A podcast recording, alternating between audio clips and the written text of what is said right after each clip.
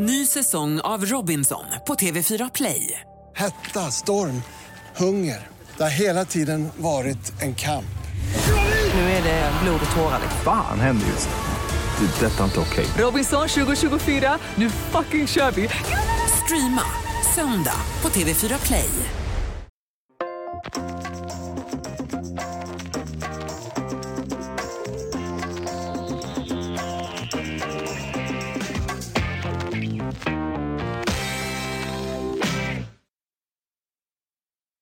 Det är den inte alls. Eh, välkomna till Eurotalk. Det är måndag. Eh, svinkallt ute men varmt här inne i studion såklart när vi ska snacka lite eh, härlig europeisk toppfotboll. Eh, och det gör vi med god hjälp av eh, Martin, Noah, Marcelo och Christian. Välkomna ska ni vara. Hur länge sedan var det du satt i den jag stolen? satt här nog någon gång förra året vet jag. Då var in. inte jag med. Eller? Var det inte det verkligen? Ja, mm. Ja, jag tror att det var någon gång i höstas eller sen sommar kanske. Allt bra eller? Ja, det är jättebra. Ja. Jag du har faktiskt, jobbat eh, också hela helgen har jag sett. Ja, ja men jag Konstaterat. började morgonen här med, med att möta och så satt jag på ett hem och tog en eh, kaffe innan jag gick hit. Det var jävligt trevligt. Ett hem? Ja, ja det är trevligt hotell. Vad är det? Ja, det är ett hotell. Ja. En lekstuga för en eh, BP, BP's största sponsors fru är det som äger. Jaha du. Oerhört nördig information där. Ja, Smart men det är ett otroligt Stockholms trevligt ställe. hotellcommunity spetsar öronen. Eh, Noah, eh, bra koll på den engelska fotbollen framförallt. Det, det har hänt en del eh, i England. Vi ska Ja. vi snacka om det lite senare. Men Mer vid, nästan mer vid sidan av planen ja, planen. jag är ju väldigt förtjust i den här eh, scouten då. Eh, Lampard eh, sa till, eh, till Guardian i, i, igår då. På tal om att Leeds då har åkt dit för att man har skickat en, en, en hemlig scout. Och sa han så här, but we had a guy in the bushes last time we played Leeds and lost 4-1. så att han, han, var, jag var inte så här jätteroad över, över Bielsas metoder. Eh, vi ska snacka mer om det såklart. Eh, Marcelo, eh, kul att få träffa dig. Det känns som att vi känner varandra, fast det gör vi ju inte. Nej. Men vi har lite gemensamma eh, känningar och intressen såklart med, med den spanska fotbollen. Precis, precis. Har Vågmästarrollen får en, eh, får en eh, kompanjon här som också det. gillar spansk fotboll. Ja, det, det brukar vara lite ont om det i Eurotalk faktiskt. Ja, men det är antingen det är något Det är jag som gillar Ja, men det. du gillar ju spansk fotboll. yt- ytterkantsligorna, Tyskland eller Spanien, som får turas om och sitta här. Precis. För att Och du driver ju också... Världens bästa liga har han just nu marginaliserat här. Nej men för, för vi kan ju de andra bättre. Ja, jo. Spansk jag fotboll, följer va? span- jag, följer spansk mer än de andra ligorna från början. Liksom. Var Men det var det, länge sedan. Sorry, det var inte meningen att skriva ner din. Nej, nej, är det- klara men där jag eller? Får jag fortsätta med att presentera? Har vi ett program eller? Ja, vi Ah, vi har ett program. Jag Här. trodde det var fritt ord. Christian, välkommen. Mm, tack, tack. Coppa Italia, Coppa Italia, man är... njutbart eller inte njutbart? Jag går väl inte riktigt igång på det. Har, har, väl, har, väl inte, har väl egentligen aldrig gjort det. Men eh, det, det tas ju in, så är det ju. Men det är ändå ett, ett upplägg nu när det blev som det blev, en uppstart. Eftersom de var lediga två veckor, spelade en Coppa Italia, så ser jag... Så de verkligen kan satsa med sina fulla lag. Så har det verkligen varit en omgång ändå att se. För att det har varit... De har spelat de- starka lag, ja. Ja, Ja, men ändå inte ordinarie lag. inte Så helt att, ordinarie, men det har varit starka lag tycker jag. Det tycker jag är en Det stor har inte varit skillnad. ligacupens svaga lag i England. Det som är mest intressant, som jag alltid tänker på med Coppa Italia, det är ju vilken skurknation har finalen? Man minns ju var Gaddafi lyckades förlura italienarna på någon match där va? I, Ja, jag, vill ha, I jag, Libyen. tror, jag, jag, vill ha det, jag vill ha det till... Alltså, det är verkligen inget jag har kollat upp, men jag minns Libyen och, och, och jag vill ha det till att det är Di Vaio som avgör då. Det vill säga för, för Juventus måste det ha varit han avgjorde. Men vem, vem de spelar mot kommer jag inte ihåg. Nej, det var en klassisk... Kanske var mot Lazio, klassisk- vet? Ja, det kan det ha varit. Lazio har gått mycket till Coppa Ja, Italia-finaler. de höll ju på med det en gång i tiden. Hörni, ni som tittar live, eh, mer än välkomna att eh, twittra oss eh, lite frågor till eh, panelen. Eh, och då går ni in på Twitter, att Eurotalk 2005. Eh, Gör det på en gång och så ställer ni era tittarfrågor där.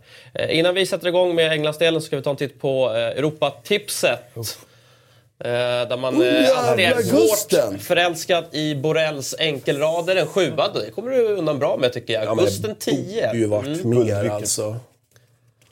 Men ärligt talat, Gusten. Det var ingen fan. bra vecka för er får jag säga. Nej. Det var ju en Nej. ganska enkel rad ändå, var det inte det? Det Nej, var ju det inte, det var ju inte inte. svår, eller? Nej, men det är ju några riktigt avvikande tips ändå. Är det inte det? Torino Fiorentina. Alltså, sju är någon ju- Rennes, någon spelar ju skjortan av Rennes och så förlorar de. Det, det är ju inte, ska ju inte ske liksom. Arfa. Ja, sjuorna får ni... Var också Alla utom. Christian var missnöjda med skulle jag säga. Eh, Det är inte godkänt med 96 Gusten, han har ju otrolig jävla medrull alltså. Mm, han är bra på att tippa. Tvåan, singelt var på Rennes. Det är sjukt. Det är som att spela... Är det någon som ser Gustens rader innan vi ser dem här i programmet? Eller dyker de upp måndag morgon? Ja, ja, men det vet man aldrig. Eh, just det, han är vilken tvåan där. Ja, men det är skickligt. Ja, eh, lycka till eh, nästa vända då. Ja. Det min, är- minst sagt. Det börjar bli, man tar några stycken så får Gustav in en sån här fullträff. Så. Bra, vi Avståndet lämnar... Eh, ta en titt på den här såklart också. Snittet på 9 där för herr Dalin. Och sen har vi då... Ja, Martin, du är tvåan då. Eh, på 8,4. 14 efter. Ja, 7,8 ja, det, i snitt. Nej, det är inte Det är omöjligt. inte så. Det är inte omöjligt. Det är ju rätt många Europatips kvar ändå. Absolut, men jag räknar med att man måste ta en och en så här... En poäng per vecka. Ja, exakt. Och så smäller han med, till med såna här äh, rader, Gusten, då... Jag är 29 efter Gusten. Det är svårt. Det är svårt. Eh, Noah får nog ge upp Ja, det är inte lätt Det att spela singelrader. Nej, just det. Det gör du inte. Vi lämnar eh, Europatipset för den här gången. Vi tar oss till England tycker jag.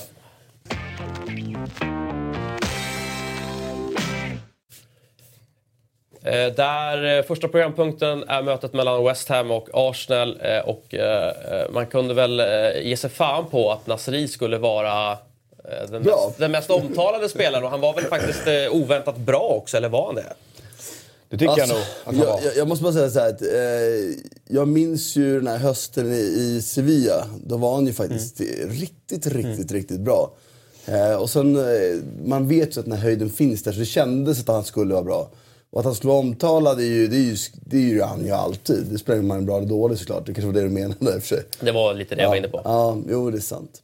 Nej, jag tycker, sen såg inte jag hela matchen. Eh, och och det, de bitarna jag tittar till så är det ändå Filippe Andersson jag mer fastnar för. Som jag tycker är, nu är han sådär bra som han var vissa matcher i Napoli, vissa, eller Lazio, vissa perioder. Alltså när han går igenom där en gång, det ser ut som att han anstränger sig, bara flyttar boll lite och så kommer han igenom tre, fyra spelare. Han har varit och- så bra stora delar av hösten nu tycker jag. Ja, Han fast den toppar ju lite nu en- med de sista två månaderna tycker jag. Ja, det har blivit bättre och bättre. Men jag menar, det är fortfarande inte en, på något sätt det här att man trodde att han skulle komma dit och, och spela varannan vecka. Vilket man kanske hade en, en viss fördom om att han skulle vara en sån spelare. Så Nej, tvärtom det- så är han ju liksom väldigt betydande för dem. Ja, men det tycker jag han aldrig har varit. Han har aldrig varit en varannan vecka-spelare. Han har varit i perioder. Han har varit tre månader där han har varit svinbra. Så det följer ju egentligen mönstret. Och det var intressant att se nu om han har lärt sig någonting, kan bibehålla. För att han har haft vissa delar av Lazio, alltså, när han har varit så bra som man tänker att det här är ju, för att ta en kristen term, det här är ju en spelare som är bra nog för att platsa i ett randigt lag. Ja, och, för, och jag tänkte, en annan grej man kan säga om honom, det är ungefär som att titta på tecknad film. när han är som bäst. För Ja, det går lite. verkligen... eh, Men han var ju ett namn för de stora då. Alltså United Och, och så vidare. Så, men jag tycker i, i, i den här matchen, eh, Nasri sticker ut, Andersson sticker ut, men jag tycker någonstans den spelaren som, som eh, liksom ger en balans till, till eh, West Ham är ju Declan Rice. Alltså, Mm. Han kom in, de hade ju en ganska tuff säsongsinledning om jag inte missminner mig helt fel. Vilket Pellegrini brukar ha med sina, med sina lag. Det var ju också ett West Ham om man kollade på ny. Det kändes som att nyförvärven det bara liksom togs Ja. det här och det var inte någon sån här jättetanke bakom nyförvärven kanske. Nej, men de hade, ledningen Nej. hade ju reagerat på de här protesterna från förra året med att säga ja till allt istället. Alltså Ja. För att de var rädda mer eller mindre. Och det får man ju känslan av att de har gjort med Nasri också. Jag menar, det är ju en otrolig lyxvärvning säkert lönemässigt för Visst hade han, eh, jag tror att det lönemässigt tror jag inte att det var sån Ja, jag liksom. tror ändå att det är en, alltså, och det är en gammal spelare utan någon vidare försäljningspotential. Liksom. Som Fast- investering är det ju ganska kortsiktigt. Ja, fast du har ju inget inköpsvärde här och ingen avskrivning på honom. Ja, men de hade ju- så de- lönemässigt de- blir han ju på- billig. titta på så tänker jag att han har ändå haft truppen. Pellegrino tidigare, har han inte det? Jo, i, Oh, sorry. I City. Sen, sen eh, har de ju ganska stor... eh, De har ju skadeproblem där. Carlos Sanchez, eh, Aubameyang, Aubameyang är på väg till, till Fiorentina. Lanzini är skadad. Men jag tycker Declan Rice, återigen vill jag bara backa tillbaka till. Det är väl han som, som gör målet också. Men, men eh, liksom det är en spelare när de anfaller som alltid håller sig centralt. Vilket gör att de kan bromsa upp eh, bromsa in omställningar hela tiden. Liksom. Så att han är, är riktigt bra. Men det var, jag håller med. Klart bättre som defensiv mittfältare än som mittback Ja, han var förra riktigt året. bra. Ja, nej, men han- han är verkligen, det är och på något sätt då bra för dem att de får en annan gestalt på mitten än Nobel som de kan vila på på något sätt. För Nobel är ju inte att lita på så jätteofta. Liksom. Och sättet han har rest sig på, alltså med tanke på att han hade liksom ganska skrala framträdande i fjol, tyder på ändå ett jäkligt starkt psyke och en potential att... Eh, jag vet inte, Jag tror han är 21 eller någonting. 98, 2021, något Så sånt han där. är ändå 97 att, alltså. att, att bli någonting riktigt, eh, riktigt bra. Va? Ja. Eh, Och de lyckas ju av allt att döma även behålla Arnautovic här trots det som hände i veckan också då. Där de fick Ja, bud kan på du lägga ut eh, korten vad, som handlar, vad det handlar om här? ja, vad var det, 35 eller 40 miljoner pund som en kinesisk klubb som jag glömt namnet på nu bjöd på honom. Och han ville av allt att döma ta anbudet för att lönerna var helt, helt astronomiska. Liksom. Det var, och, och det förstår man ju såklart.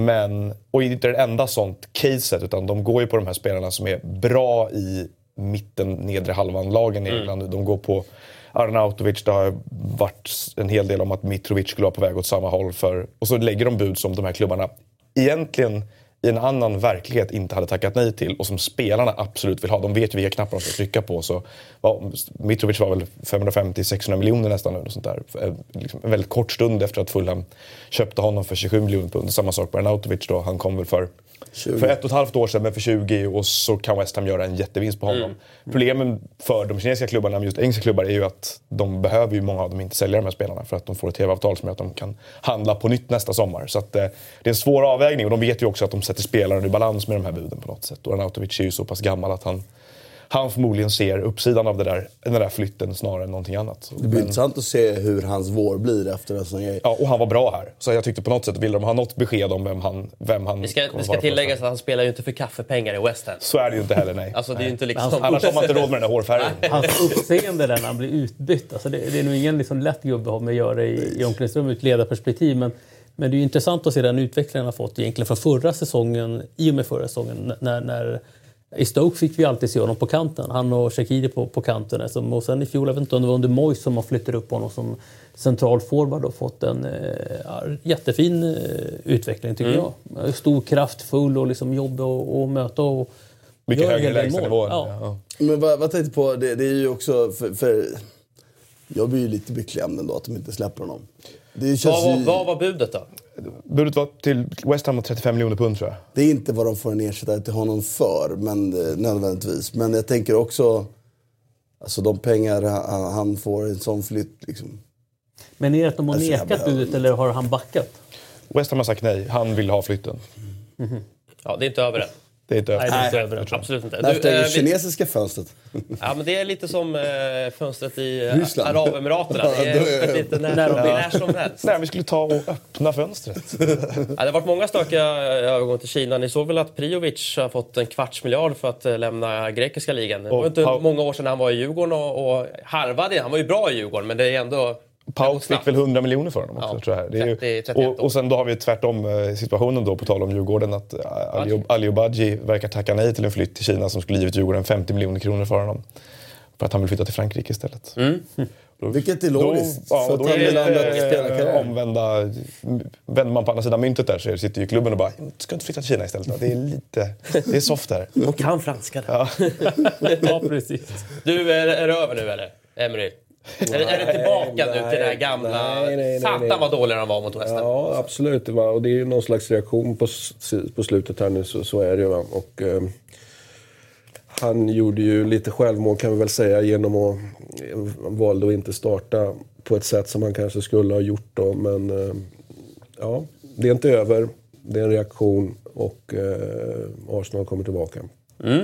Det var ingen jättedålig match av Arsenal heller. Alltså, det var inte, det var Alltså jag tycker ändå att den är, formen är ju klart. Från att ha varit en utveckling som har sett ut så här så har den inte bara stagnerat. Jag tycker att den är... det är oroväckande. ganska, det är en ganska Sen om det är en naturlig på reaktion som du säger? Christian, det får vi se liksom. Men jag är lite det ja, illavarslande kanske så att det gick med, eh, vi har ju pratat mycket om att det här gick kanske liksom lite lättare, lite eh, fortare än vad, man, vad vi hade trott. Eh, och sen så kanske de tar till sig det lite för mycket och man får en reaktion. Liksom. Det, är väl, det är väl samma som, som eh, United kanske kommer att få smaka nu, liksom, livet leker och sen så kanske kommer en reaktion. Liksom. Det, eller inte bara kanske kommer en reaktion, det kommer en reaktion. Så att, eh, men eh, det är ju alltid tråkigt att förlora matcher när man har reaktion. Det är ju trevligare att kryssa. Det är Men, inte en ganska väntad reaktion på något sätt på det. Liksom. Alltså jag tänker på matcherna eh, alltså senaste månaden. Han gör väldigt mycket byten i halvtid.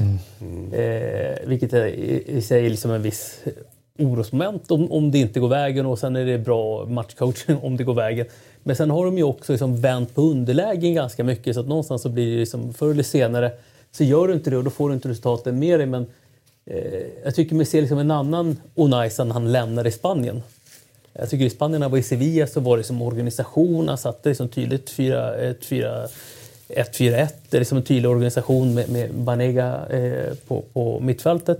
Nu liksom, eh, trixar han med, med, med formationerna fram och tillbaka och det finns inte riktigt den här stabiliteten. Jag vet inte om han eh, ja, inte riktigt är trygg. Liksom, det har hänt någonting sedan han lämnade för PSG och sen vidare. Sen är väl känslan att backlinjen är för dålig också. Ja, men, Ja, ja, precis. Och det, och, det, och det är dit det där och- fokus hamnar nu, tycker jag. Liksom, någonstans. Och det tycker jag man ser på dem som, som följer Arsenal mycket också. Att, sådär, att det, är inte så att det, det är klart att de har gjort sämre matcher än den i helgen och vunnit dem ändå, som du säger, under hösten. Det är väl det man tycker, att, sådär, att jo, prestationsmässigt så var det väl inte så katastrofalt. Men de här problemen har varit uppenbara om man har kommit undan med dem ganska mycket under den här säsongen. Men han vill ju själv ha Banega, men det är ju inte där han ska in och pilla egentligen i det här laget tycker jag. Utan det är ju snarare då längre bak och där den här latenta ilskan mot Kronke de här igen uppstår igen för att det finns inga pengar att investera för. Ja, jag, jag måste säga att jag Eller det gör det ju, men han vill, de vill inte göra det. Nej. Jag måste säga att jag ändå är, spelmässigt så flyter inte offensiven heller lika bra. Jag tycker i och för sig att det kanske var, det var jävligt bra ett tag. Det- Och som Christian säger, det kanske var för bra ett tag. Men, men eh, jag är ändå, jag ändå lite, jag tycker det är lite illavarslande. Skador till trots, eh, kanske inte den önskvärda truppen till trots. Jag tycker ändå att vi får en jag säger inte att det, det, det kommer en reaktion, men jag tycker att det, man vill se en mer utveckling av prestationen. Spelet ska fortfarande vara en viss trygghet i. Det ser jag inte riktigt. Jag tyckte också vi fick se, var det mot Liverpool de blev eh, Överkörda, mm. När man också såg det jag, min farhåga var med Torreira, där de mer eller mindre bara sprang över honom, runt honom. Där man bara kände att han räcker inte riktigt, riktigt till. Han kanske hade en dålig match bara, men i den matchen var han ett stort eh, svaghetstecken. Det finns, ingen, det finns inte den höjden som behövs att spela Arsenal. Och då är jag orolig vad det tar vägen. För att Guendouzi, Xhaka... Ja, men ska du ha in en till mittfältare då, vid sidan av de tre, så skulle jag inte ta Banega i sådana fall till att göra den uppgiften du pratar om där. Provar man väl förändra spelet. Du kanske ändrar Så tar man alltid Banega för att han är fantastisk. Jo, alltså, Ja, men jag tycker också också resonera. med, med Banega in så får du ju också en annan typ av spelare. Ja, de har men Banega bollen, har ju då också typ bevisat att han, han, han är väldigt beroende av att vara i en, i en härlig miljö. Eh, Det har ju inte funkat för Banega i vare sig Inter eller Valencia. Jag har ju rätt svårt att se hur Nej, men om du pratar om ett mittfält som inte ska bli översprunget så finns det ju spelare som bättre inte bli översprungna än Banega. Nej, men Banega får en bollspelare istället som är... Förstår du menar? Du, du kan ju välja... Och då litar du på att du alltid kontrollerar. nej, men lösningen, lösningen på, på ett problem med, med att man inte stod emot fysiskt centralt mot Liverpool och inte hängde med. Ett. behöver ju inte nödvändigtvis vara att sätta in en fysiskt stor spelare. Det kan ju också vara att man ändrar balansen på laget. I övrigt. Men jag bara säger det, Banega är, är ju... Jag är som Christian en, jag gillar ju Banega väldigt, väldigt mycket. Ja, är- det in- honom också. Det är är inte en spelare för, för, för att vinna titlar. Det tror inte jag heller. För han är, Men det är en däremot fantastisk bollbehandling, om du, om du tittar med de här andra, både Guendouzi och Torreira och, och, ehm, Xhaka. och Xhaka, så är ju, om man tittar bollbehandlingsmässigt, så är ju i alla fall i min värld Banega liksom bättre än... Ja, Ja, klart han är. absolut. Det är klart han är. Och det är lite det jag menade med, med Banega in så kan man inte jämföra honom med Torreira utan då blir det annat spel man ska ha. Och då blir det kanske en annan... Och det är kanske ett annat spel han kanske känner sig mer bekväm med. Jag tänker exakt. Unai Emery och, och då blir det liksom på något sätt Jo, enklare att organisera. jag tänker bara när han ligger där intryckt i reklamskylt i Cardiff. Liksom. Eh, Kommer det funka? Banega, Ja. han borstar av sig det. Jag tror inte det. Ja, han är argentinare. Nej, men det känns han hör Ja, det. Sevilla med Alltså, pulsen. är man Argentina är det och... någonting man kan då. Jag vill ta emot Jo, det är sant. Men nej, han ska stanna i Sevilla tycker jag. Det är ju däremot en annan sak. Men någonting som jag tycker är, jag, jag, håller med med försvars, försvaret här blir ju någonstans intressant för att eh, han har ju inte hittat eh, ett spelsystem. Det är ju bara att erkänna att det är så. Och det, och det är klart att det är en svaghet för Arsenal. Har han haft möjlighet att göra det? Det kan man verkligen diskutera. Men, men, men eh, det är ju lite dråpligt tycker jag nu man ser de här sista matcherna eller sista perioden när, när det finns en symbolik i att när, när Korselny är tillbaka då, Går det då, då dippar Arsenal. Alltså, det är som vi har sett just den här grejen. Liksom, en till synes firad, eller inte till synes, en firad liksom Wenger. Han är ju väldigt mycket Wenger helt enkelt. Lyckas många gånger, i alla fall tidigare i sin karriär, spela liksom kanske isolerat bra. Ja, Men, ja, men han var bra. Backlinjen var inte bra, men han var bra i alla fall. Liksom. Och, så, och så var backlinjen värdelös som helhet. Det är ju någonting med Korselnys sätt att spela fotboll på som eh, jag som inte har spelat fotboll på den här nivån, till och med jag begriper att det är något som är väldigt fel på det sättet han spelar Tror du fotboll. Det kanske du kan reda ut. Vad, Eh, eh. vad gör han egentligen? Alltså, han är Han gör ju otroligt, sen han kom tillbaka så har han gjort otroligt mycket individuella försvarsmisstag. I beslut, när han ska stöta, inte falla, vilka ytor ska skydda. De matcher jag har sett, och det, det är ju bara uselt försvarsspel. Och jag tycker mig inte ha sett så mycket av det tidigare. Som Nej, men det jag menar, jag vill inte döma honom att han är tillbaka efter en långvarig skada. Absolut, jag jag har all respekt i världen och hade det varit en annan skadesituation hade han kanske till och med fått vänta ännu längre. Men, men jag tycker även på den tiden när han var som mest firad då, innan eh, liksom alla skador, så det var, det, för mig fanns det alltid någonting som, som var djupt oroväckande i hur han hans, hans förmåga eller oförmåga att sy ihop den här backlinjen. Liksom.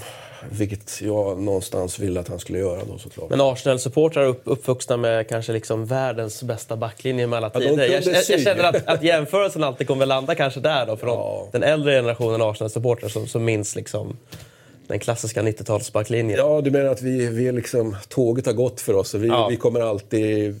Vi Det kommer aldrig bli få något- det kommer aldrig bli bättre än det. Det, det vet vi ju kanske då. Hörrni, jag måste snacka Özil också. Eh, fin spelare eh, som rapporteras spela lite för mycket dataspel. Eh, konstanta ryggproblem. Är det dags att, för en skilsmässa här eller? Ja, Det är ju svårt nu bara. please. Det, alltså, det har ju tyvärr varit lite för länge. Mm.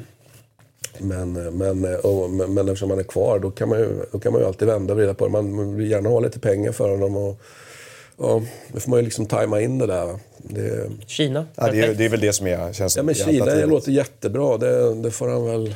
Jag tror han kan gå till Bayern, ja. Bayern München. Du tror att de vågar ta honom alltså? Ja, men alltså det är ju en... Alltså att en Det är ju samtidigt en tysk spelare, liksom. klubb skulle liksom våga ta honom nu i karriären tycker jag låter helt Ja, Det låter också, tycker jag, helt... För att... Nej, för att han spelar Vad ska de ta dataspel om ryggen. Men vad ska de ta? Vad ska Bayern München med Özil till? Nej, men jag tänker att han kan ju täcka upp för själv. Jag tänker mig ett, ett fint spelande lag i Spanien. Ja, varför inte? Sätt han i Betis. Han har Jo, men det, är- är ju då ett hack ner helt plötsligt. Ja, Vem alltså- betalar för Eh. Özil i Betis? Vänta nu, precis. Det finns ju massa klubbar vi kan så här, säga att han skulle passa Mm. jättebra. Be- Betis är ett jättefint exempel. Det håller jag ju med om. Men okej, då har vi en problematik här att det är en balansräkning för Arsenal som kanske vill ha in lite pengar för honom. Det är också en lön eh, som jag inte kan på fingrarna här vad den är, men har rapporterats till väldigt, väldigt hög. Någon ska, någon ska ju Ja, betala det är för Özil, det. det är Özil själv som ska betala för Och det. så har du en mental balansräkning att Özil själv ska acceptera. Jag menar, Vilket vad- Det- inte heller i är Galatasaray. Han skulle, han skulle Det är bara aldrig dit han kan acceptera. Nej, jag tycker att Ki- Kina på ett sätt då är logiskt därför att där kan ju Det, det två av tre balansräkningar hållas intakta. Se vad som händer med, eh, med den gode Özil. Eh, Bra spelare. Så Ja, det- Real Madrid var jag ju stundtals briljant skulle jag säga och i Werder Bremen hur bra som Och jag helst. tycker Men nu att börjar- han har varit bättre under Emery än man var under, under Wenger många gånger. Därför att det, hos Emery har det ju funnits folk som har löpt djupled. Så när han har fått bollen många gånger så har han ju kunnat använda det han är bäst på. Där, med Wenger handlar det om att han droppade ur, laget stod stilla, det skulle hittas någon magiskt mot ett stillastående. Eller Liksom, det blev ju mycket roligare fotboll någon gång när han spelade i år. Så jag tyckte det var på väg mot någonting. Sen kan inte jag jämföra... Alltså, vi vet ju faktiskt inte om det är skador eller dataspel Nej, eller det, vad är, det är. det är Men- spekulationer såklart. men, men, eh, Tydligt är ju i alla fall att Emery tar en aktiv roll i Özils framtid här på något sätt. Ja, han, han är ju mycket han- mer än vad Wenger gjorde tyckte jag. Ja, han backar ju heller inte för... Vi pratade om det, vi har sett studion igår. Jag förvånar mig lite, han skulle ju lätt kunnat göra det lättare för sig i hela diskussionen. Jag tycker han väldigt tydligt säger att Özil inte är med för att han, alltså, han vill ju nästan öppna för en diskussion där. Han gör ju det. Ja. Alltså, annars skulle han inte, annars skulle han inte prata Det är om det jag menar. Och då, Det- så här, då, då är det ju någonting ändå. Det kan vi ändå säga, det är ju någonting där som... Och det var inte bara nu, det var ju några veckor sedan också när de frågade är det ryggproblemen? Och Emery sa jag vet inte. Var är han? Jag vet inte. Och så- Bara det, bara det de, där, de där två, jag vet inte, de säger ju allting, eller hur? Om, om, om, Det började ju ganska tidigt på säsongen när han blev petad för att han inte jobbade tillräckligt mycket i pressspelet. Alltså det Vilket jag tycker det är helt logiskt. Det är någonting man har sett i, i tio års tid. Liksom. Men jag måste också säga att, att då är det ju så här. Det enda jag kan slanda i slutsats är att de försöker nu göra det svårt för honom att vilja vara kvar. Så att han är beredd att ta det här löne, lönetappet. Exakt. Han ska vilja flytta själv. Jag tror inte de räknar med att få betalt. De vill bara... Vet, det här är en lönepost som är rätt stor. Ja, Den kan vi använda till annat. Ja. Möjligt. Och in med där. Eh, Liverpool eh, eh, eh, vinner ju numera också de här eh, alltså, det guld, guldmatcher. Om man ska Det heter kalla alltid det när man vinner med 1-0 Ja, men det är ju bortaplan. lite så. 1-0 bortaplan mot mitt lag är alltid en, det här är en riktig mästarseger. Alltså. Och, och ett, ett gammalt Liverpool hade ju inte gjort det känner jag. Lite grann. Nej, det, vilket, vilket av dem? Nej, men en Liverpool? annan upplaga bara. Alltså, det här är ju... eh, Förra säsongen. men nu måste jag få fråga då, som inte tittar. Den här serien lika mycket som, som ni andra. Va? Men vad är det för... Hur många sådana här straffar har Liverpool fått under den här säsongen? Eller är det Ja, bara jag- jag, jag som såg inte straffsituationen. Men vadå, var det inte det straff? Det här var straff tyckte jag. Det går att argumentera för, eller? Är den så, Det är den så solklar? Jag tycker att den är ganska solklar. Jag tyckte också Alltså, det antingen är det straff eller så är det inte straff. Det, Det blir ju det också... liksom inte... När Salah, när Salah Alltså, det är klart har att det den finns här... solklarare straffar i, så sett i mitt liv. Men det var inte, det var inte det outrageous på något sätt. Nej. Där. Du, där, det är också just att det kommer i kölvattnet av det Salah gjorde mot Newcastle för några veckor sedan när det absolut inte var straff. Så- nu, eller? Straff? Ja, precis. Nej, men, men, eh, att du reagerar på det. men, eh, Ja, jag, jag kan... Ja, men de har ju fått väldigt mycket straffar den här säsongen, i känslan. Liksom, och det är alltid han som ligger bakom det. Sen, eh, sen är det, jag tror, eh, den här diskussionen fanns ju några år, för några år sedan med, med Barcelona, att de fick väldigt mycket straffar med Det sig. får de väl fortfarande? men, men jag tänkte under Guardiola-eran, och då var det ju liksom, och det, det är väl samma sak här, att man kommer ju till sådana lägen. Alltså man provocerar ju fram det här så att det blir ju på något sätt en effekt av att man får... Ja, det finns ju en logik att topplagen får mer straffar naturligtvis för att de anfaller har man mer dessutom mål. en individuellt skicklig spelare Ja. på det som är Men det finns ju några precis. som är liksom, som, som det är klart att det går att, att ställa ett frågetecken kring. men, men det är ju inte den stora, inte den här. Den Nej, stora diskussionen. jag tycker det är straff. Eller frågetecken kan man alltid... Fråg, frågetecknet Kan man alltid är, är ju då, hade Brighton fått den här straffen? Ja. Det tror jag nog. Det, eh, för mig, den, var, stora, den stora absolut. diskussionspunkten för den här matchen är ju inte att det, var, att det var en tveksam straff. För det var det inte. Det, var liksom, det är tvärtom då tycker jag att det är Liverpools karaktären på Liverpools insats som inte är super, men de kunde, kunde ha förlorat sin, vad var det, fjärde raka tävlingsmatch? Eh, Ja, tredje hade det Tredje va? Ja. Ja. Eh, och eh, gör inte det utan vinner en tuff bortamatch. Brighton är ju sjukt svårspelade. Och dessutom har Brighton ett, ett skede på säsongen där de har väl, jag tror de har 27 inspelade poäng, eller 26 inspelade poäng. Det vill säga de är rätt safe, de har ryckt undan från bottenstriden. De är av segt virke, det där är inte kul. Och även om de inte alltid vinner på den här planen så är det alltid jobbiga matcher. Och de har några bra individualister. Det också. Och alltså att Liverpool åka i det skedet av säsongen när de kunde gått på en självförtroende knock efter matcherna mot City och andra saker, var trötta och så vidare och hålla nollan borta mot Brighton och vinna och komma tillbaka på vinnarspåret igen är liksom jag vet inte, signalerar ju någonting. Det här, det här var ju också helgen när Tottenham hängdes av. Sådär, att de vann och, Spurs förlorade. Det betyder ju att det är ju, det är ju de två lagen som vi trodde som, som kommer göra upp om det här. Men de är ju fortfarande absolut favorit. Det intressanta med Liverpool är också, jag tänker på Klopp här, hur han har liksom vridit och vänt liksom på den taktiska eh, formationen. Liksom. Alltså från tydligt liksom 4-3-3 i fjol och, i stora delar av sågen nu sen eh, någon månad tillbaka. Att han har dragit ner Firmino en 10-roll, två balansspelare, två liksom ytter och så Salah som, som, eh, som nia. På så sätt fångar han ju upp också motståndarnas innermittfält när de spelar eh, spegelvänt, alltså med en sexa och två, två offensiva. Eh, och, och det verkar ju liksom passa Firmino eh, ganska bra. Och det är också liksom ett sätt liksom att ja, de kanske har läst sönder oss och nu kan vi, kan vi spela med, eh, med Salah centralt och liksom det blir, avlasta honom lite i försvarsspelet. Så att det är en, liten taktisk detalj som, som han har eh, tweakat till, tycker jag, i alla fall under den här säsongen. Ja, vi, vi har ju pratat om den ganska mycket och det intressanta blir att tillbaka till City-matchen. För jag håller ju med om att den, där var han ju feg. Då gick han ju tillbaka till sin krockfotboll och 4-3-3. Och det, det ska bli väldigt intressant att se de här toppmatcherna, Champions League-matcher och sådana, hur han väl formerar sig. För att jag är helt eh, övertygad om att, att jag tycker att det här är det bättre sättet för Liverpool att spela, även mot bollsjuka lag. Liksom. Så att, eh, får hoppas att han lärde sig den läxan mot City. Största matchen eh, var väl den på Wembley mellan Spurs och eh, United. Dubbel olycka för Spurs med det som hände med Kane på slutet. Trippel va? Var det trippel till och med? Sissoko också. Sissoko, ja men det vet fan. Jo, fan, han har varit bra! han har- Ja men det är ju ett klassiskt, klassiskt träben ändå alltså. Nej, men är det inte det? vad? Ja, jo, Han visst, har, men han har visat... Borta. Pochettino bygger sitt spel på ett aggressivt innermittfält. Mm. Det gör han mycket. Och Cissoko tycker jag har varit... Han är deras bästa Han spelare de senaste två den månaderna. bästa Är det så pass spelarna. alltså? Ja. Okej, ja då får jag I- Dock i flera andra spelares frånvaro ska sägas. Men med det sagt, så den här rollen har de ju försökt få honom att spela i flera gånger i Tottenham och de har ju inte hittat någonting för Nej. honom. Och plötsligt, så, plötsligt liksom, när man dömer ut honom en gång för alla så avtäcker han någonting nytt. För att det var ju, den spelaren som de har haft i honom de senaste två månaderna har varit helt central för att Men det att han ska form. in där och köra den där eh, minuten eller Nej. två. F, varför? Nej, men det är så, men, Men det är kan, det är väl alla som har spelat fotboll någon gång vet ju. Rycker det lite, det är bara att gå av. Det är, det är över. Du kommer ju inte ta, ta dig förbi den typen Nej, av och det skador. är ju också då en, inte hans fel, utan det är en klubbledning, en läkare, som Ja. låter honom gå in. Ja, löneavdrag ju- på läkaren, alltså. Ja, eller klubb, den som tar beslutet. Tränaren kanske gör det.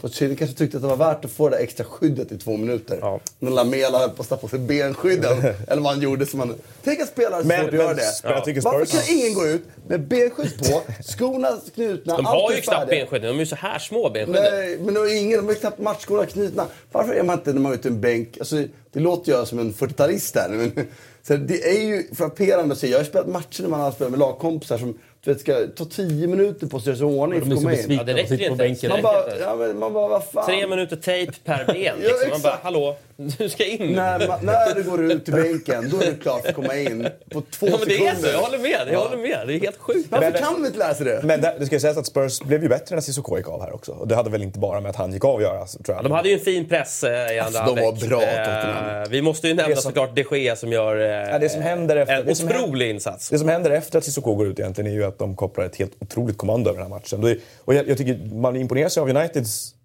idé om hur de ska såra Spurs väldigt mycket i början på matchen. Det är ju verkligen där den stora elogen går till, till Solskär då, framförallt. Här. Att, att de har en bra plan som de, som de dessutom utför till, på ett bra sätt när matchen börjar. Men därefter rämnar det ju och det är ju mycket på grund av Tottenhams förmåga att montera ner dem också. De möter ju ett väldigt bra lag och det ska man komma ihåg. Eh, Men jag tycker det var, det var Ja, ju... Spurs ska ju ha in en boll, så är det ju. Ja, det är ju Minst, minst United minst vinner. Absolut, absolut. Men med det sagt, liksom, så många gånger... Man kan åka till Tottenham och strukturera ett bra försvarsspel och hålla nere siffrorna eller försöka kriga till sig ett kryss. Eh, att komma dit, och det har man ju inte sett dem göra i toppmatcher, och såra motståndare så mycket som de vågade göra här. På bekostnad av någonting såklart, men det är därför de vinner matchen också. Det är ju på något sätt att de... Jag tycker de, de bettar ju på det här och öppnar sig lite mer i första halvlek. Även om, då håller de ju tätt bättre. Eh, Så den bra delen av matchplanen som är en fin tendens för Solskjaer tycker jag att han identifierar det på ett bra sätt. Och lyssnade man på nyckelspelarna efteråt också, Pogba bland annat, så sa de ju att målet var ju liksom ingen, ingen spontanitet utan de hade funderat på exakt hur, de skulle, hur de skulle göra det där. Eh, Så om man då såg det här som någon sorts audition för honom, vilket väldigt många valde att göra, att, sådär, att okej, nu har du mött Ja, Cardiff, Bournemouth, Newcastle, liksom. bla, och här kommer en match där du möter en riktigt skicklig tränare i andra laget också, så kan man väl ta med sig då att det var en bra nyhet att de hade scoutat dem så bra och sårade dem på rätt sätt. En sämre grej kanske att de inte kunde omformera sig eller omgruppera sig när väl Tottenham tog över och tryckte tillbaka dem på det sätt de gjorde. För där stod de ju rätt chanslösa. Intressant ur det taktiska perspektivet här, alltså den läxan han hade gjort. Att han va- valde liksom att spela Lingard centralt. Han körde väl någon diamantliknande med, eh, variant, va? Med Pogba bakom. Och så hade han ju Rashford eh, på, alltså lite mer på, ut mot höger.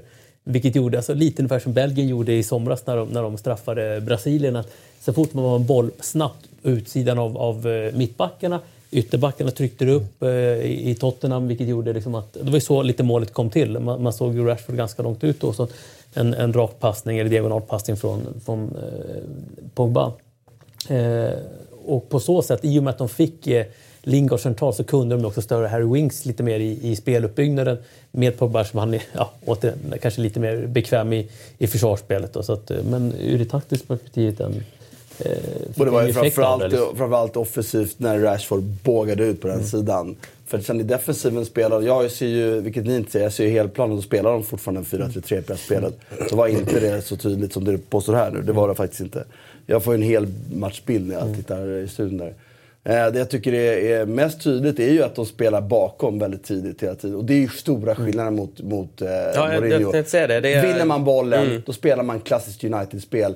Det attackerar ytor. Och, och det tycker jag är, är otroligt fröjdfullt att se. Jag håller inte riktigt med att de inte hade en plan B och kunde stå emot. Jag tycker nog att Tottenham bara är ett bättre, och de är ett mer ett färdigt lag, de är ett bättre lag just nu. De jagar ett resultat på sin hemmaplan.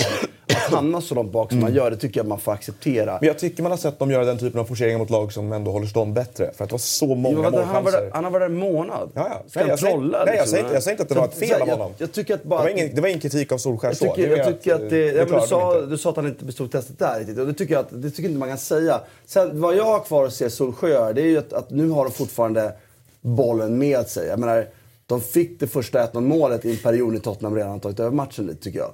Eh, visserligen på en uttalad taktisk grej att man ställer om och spelar bakom tidigt. Men jag vill se sen, vad gör Solskjaer en match när motståndarna får det här tidiga målet eller får med sig resultatet tidigt. Hur han förändrar då. Nu, än så länge har han, tycker jag, gjort... Okej, han har spelat mycket tydligare om man vinner bollen. Använder liksom de de här individuella kvaliteten bättre. Han har släppt lös många av de här spelarna. De, här, de här faktiskt stora individualisterna. Liksom att de, får, de, är, de är tillsagda och tillåtna att attackera den tidigare skeden friare. Eh, och han har, tycker jag då, ändå klarat av ett försvarsspel. Om det var igår, för de stod emot Tottenham på ett fantastiskt bra sätt tycker jag. För Tottenham var riktigt bra. Tycker du det? Ja, tycker jag. Att de, alltså som lag? Ja, tycker jag verkligen. Är det inte några chanser för mycket? Jo, men Tottenham är riktigt bra. Ja, men då Så- Tottenham är står man ju riktigt- inte emot. Eller vadå? Vad är det Jo, man står emot? Nu, tänk, nu tänker du på United. Ja, du menar att Tottenham står Nej, jag tycker United stod emot lite bra. Men alltså de möter ett Jag lag som är färdigt, som har otroligt bra Ja, spelare, otroligt nej, bra alltså, det spelsystem. handlar inte om det. Det är bara och de, de- släpper inte in ett mål. Och det sker en del i det, men det är också en del del avslut som är i lägen där de är, är sämre. Sen finns det mycket att jobba på. Jag tycker Jones håller ju inte. Det visade Nej, det- tydligt igår. Han, är, eh, han är fel ute i så många situationer. Eh, Victor klarar sig klart, klart bättre. Ja, det, och det, med, med honom, med Lindelöf är det verkligen en sån grej där man tycker att, så här, att nu är det klart att de Gea får rubrikerna igår därför att det är så många räddningar. Men det är tre andra spelare som verkligen sådär att man, om, man, om det då fanns en, vad jag tyckte hela tiden, helt felaktig bild av att de inte var tillräckligt bra för det här eller att det var eh, rekryteringsmissar eller att de behövde uppgradera, att man jämförde dem med andra topplag. Så längst bak så är det ju med honom att det fanns frågetecken som jag tror de flesta skrev under på med Lindelöf. Men där man väntade på att se honom i en annan miljö och där man ville ge honom tid i det här och acklimatisera sig. Där jag tycker att det enda rimliga för dem är att försöka hitta en partner till honom egentligen på sikt. Jag tycker, jag tycker han har eh, i så pass många matcher under den här hösten och vintern varit så pass bra och hanterat olika typer av anfallare.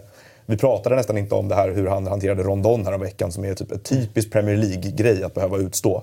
Och bättre än alla andra mittbackar jag sett Newcastle möta den här säsongen. Plockade ner honom. Liksom. Det var inte, han hade inte en syl i vädret. Det var, eh, och, och så vi såg honom göra det här mot Kane i VM. Jag gjorde det mot Kane ganska bra igår igen. Eh, det är liksom, och sen då framför honom såklart Pogba. Där, jag hörde att ni snackade om det igår också. Där man gick mot den här brytpunkt, kritiska punkten på något sätt. Där det var han eller Mourinho på något sätt. Det funkade inte längre. Och jag kommer ihåg att jag läste någon eh, nästan hemma hos-reportage från Pogba som, eh, vad heter han, Hunter Thompson heter han va? Christian, du har säkert koll på honom. Hunter S. Thompson? Ja. Du menar Nej. Mr Gore, journalistik? Nej, men är det han? Nej. Nej, det är klart inte han. Nej, Han inte- inte han. Vad heter han för någonting? Ja, glömt tappa numret på honom. Eh, något liknande namn. Någon Hunter. Ja, någon Hunter eh, på ESPN som hade varit hos Pogba innan, eh, innan VM i somras och pratade med honom. Och var ett ganska bra personporträtt av den verkligheten Pogba befann sig i där och då. Och hur, han liksom, hur allt hade stannat upp för honom mer eller mindre. Och hur frustrerad var han dirigerade all kritik och hittade fel och la skuld på att det hade blivit som det hade blivit. Och var fast i sig själv men också väldigt tydligt visade på sprickan mellan honom och, och, och Mourinho, eller Mourinho och många andra unga spelare i United på något sätt. Eh, och där man tycker att, sådär, att på ett sätt var skönt att, att man fick den här projektionsplattformen som Pogba blir nu för vad det var som hände egentligen. Att det inte var att det var han, en fotbollsspelare som bara, liksom, vad ska man kalla det för, knöt sig själv här. Utan att det var någonting runt omkring honom som hade väldigt stor del i det hela. Och sen Rashford tycker jag också. Alltså för att säga en tredje spelare. Att I, I Rashford så... Mm, har varit väldigt bra. Ja, men det är ju, Jag ska bara slutföra det, påbörja det här fallet. Jag tycker att, att då han, jag återgår till det då. Att han, Solskär, han har offensivt, att han har spelat rakare, tydligare. Ett inte så bollinnehållsmässigt kanske stort spel, men han gör lite mer klassiskt United. Man spelar bollen framåt, man vinner. Det har United alltid gjort. Man attackerar ytor snabbt. Eh, jag tycker jag har släppt löst de unga spelarna. Försvaret som jag var inne på då, tycker jag är bra. Och det gör jag av två anledningar. Dels att han har haft, eh, eller tre anledningar. Han har haft en månad på sig att jobba. Knappt någon tid att jobba taktiskt. Att ändå fått den här förändringen som klarar bättre än vad de gjort tidigare tycker jag är anmärkningsvärt. Det andra är att de möter Tottenham som jag tycker gör en riktigt bra match. I Tottenham som på hemmaplan jagar ett resultat. Det är inte en match där man släpper till noll målchanser. Om man inte är ett otroligt färdigt lag. Och det är ju det är det varken truppen, eh, träningen, det finns ingen rimlighet att tro det. Liksom. Så därför vill jag säga att de gör en bra försvarsinsats. Där, där det finns brister, absolut. Jones är den största. Men även andra brister i försvarsspelet som inte riktigt håller. Mittfältet hamnar på linjen några gånger och spelar igenom lite för enkelt Tottenham. Men Tottenham är också riktigt, riktigt jävla bra tycker jag. Och de Gea, det är som man säger, man har, man, det är tillåtet, att ha en bra målvakt. Det är en del av spelet. För i det var slutändan... vad han sa igår. Snor han citat? Ja, exakt. Det var, jag sa, det var det han sa. Och det tycker någonstans, det är ju skillnaden när vi summerar den här matchen. Målet som United gör är fan inte otagbart. Det är ju en riktigt Nej, dålig vinkel. Det är en förflyttning, det är svårt. Jag säger, det är ingen tavla risk, men jämför det med de räddningar de Gea gjorde. Där han De inte, Gea är lite old school-variant också. Det är liksom benparader. Ja, och det står upp han står upp. Och, Ja. coolt. Så att, du, någonstans här, och jag vill också då vända tillbaka. Jag tycker Tottenham, du vet, givet alla skador, givet allt med. de gör fan en riktigt bra match de också jag. Och jag tycker det var en, inte den mest välspelade matchen jag sett, men det är en av de mest underhållande matcherna jag sett i, i, i Premier League. Mm. Om man får vara lite provokativ här. Tänk om man kunde göra såna här räddningar i spanska landslaget. Då Ja, Ja, Ja, Vad har jag- jag håller med dig. Vad har hänt i Lariocha? Han är ju... Han är kast Han är där. ett såll ju. Ja, men då hade han ju varit nummer ett i världen. Det är han ju inte i min boken. Nej. Ja, fast, det, fast det tycker jag att han är ändå. Alltså. Det, är, Ja. ja, det är väl Oblak kanske Jag håller men, Janne högre. Alltså. Ter Stegen har varit grym också tycker jag senaste året. Ja, Ter Stegen har varit helt Eh, enastående. vi, vi måste gå vidare annars kommer vi hålla på för länge med, med Englandsdelen. Vi har några punkter kvar. Eh, vi konstaterar att, att det blir intressant med Spurs eh, kommande dag med Kane, Sissoko och Son ska ju sticka iväg också på asiatiska mästerskapen. Eh, Bielsa Gate, ska vi ta det lite snabbt ändå? Fantastiskt. Eh, det var väl inte Bielsa själv dock som låg i buskarna eh, utanför? Darbys... det kanske det var. Eh, men han eh, hade ju en speciell karaktär där, eh, minst sagt.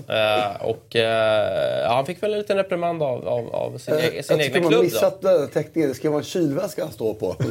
Ja, det där klippet när han sätter sig på kaffen är ju, är ju helt underbart. Ja, någon, när någon har liksom smugit in en kaffekopp på kylväskan.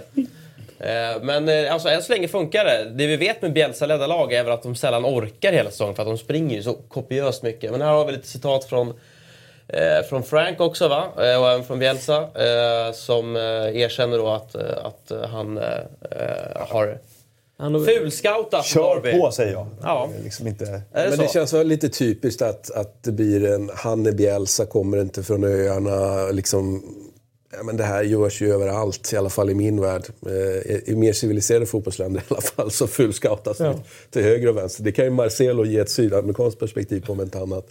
Eh, och sen så gör han det här och så blir det såklart en stor... Det är ju mer en kul grej, va? Det tycker jag i alla Jag tycker, fall. jag tycker det blir lite övervärdering av också vad, vilka fördelar man får av det här på något sätt. Alltså, jag, det, det, det finns ju tränare i Sverige som är väldigt oroliga för att man ska se hur de, vissa saker de gör Ja. på träning och så här.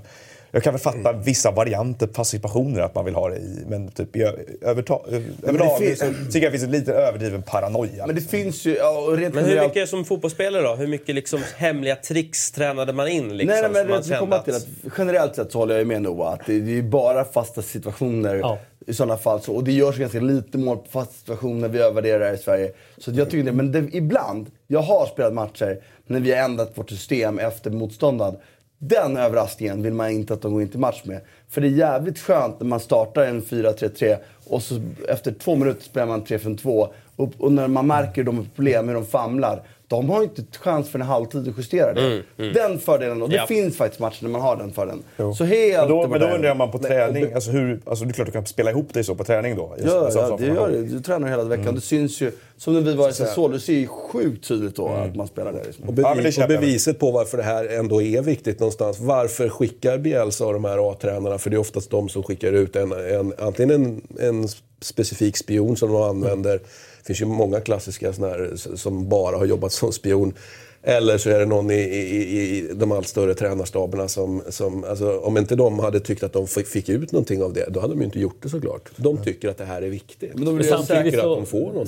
Samtidigt så han ju Lampard också. Alltså man hör ju Lampard, Uppenbarligen, ja. man hör ju Lampard efter matchen. Alltså det var ju ungefär som att höra... Jag såg ju matchen, så att, men det var ju ungefär som att höra Mourinho.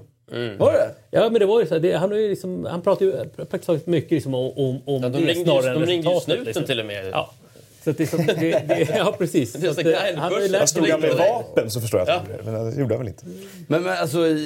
i, eh, ja, de Ja, men är, det, är de- det ett tillåtet medel om vi ska liksom på något sätt eh, Det är ju inte landa i olagligt, det är bara att det är omoraliskt. det? Det är omoraliskt, ja. Exakt. Det är väl Eller liksom, är det eh, det? Är det inte- det? ja, Ja, men fan. i det här Stäng fallet- träningen ordentligt då. Ja, Gör ett jobb. Ja, Kapa, kapa alla träd så att de inte kan smyga bakom Kommer dem eller hoppa Kommer dem. Ja, men, ja, men det är väl bara en tidsfråga innan det kommer drönare. Det har Som säkert Bielsa redan kommit inte kan styra en drönare. drönare. precis.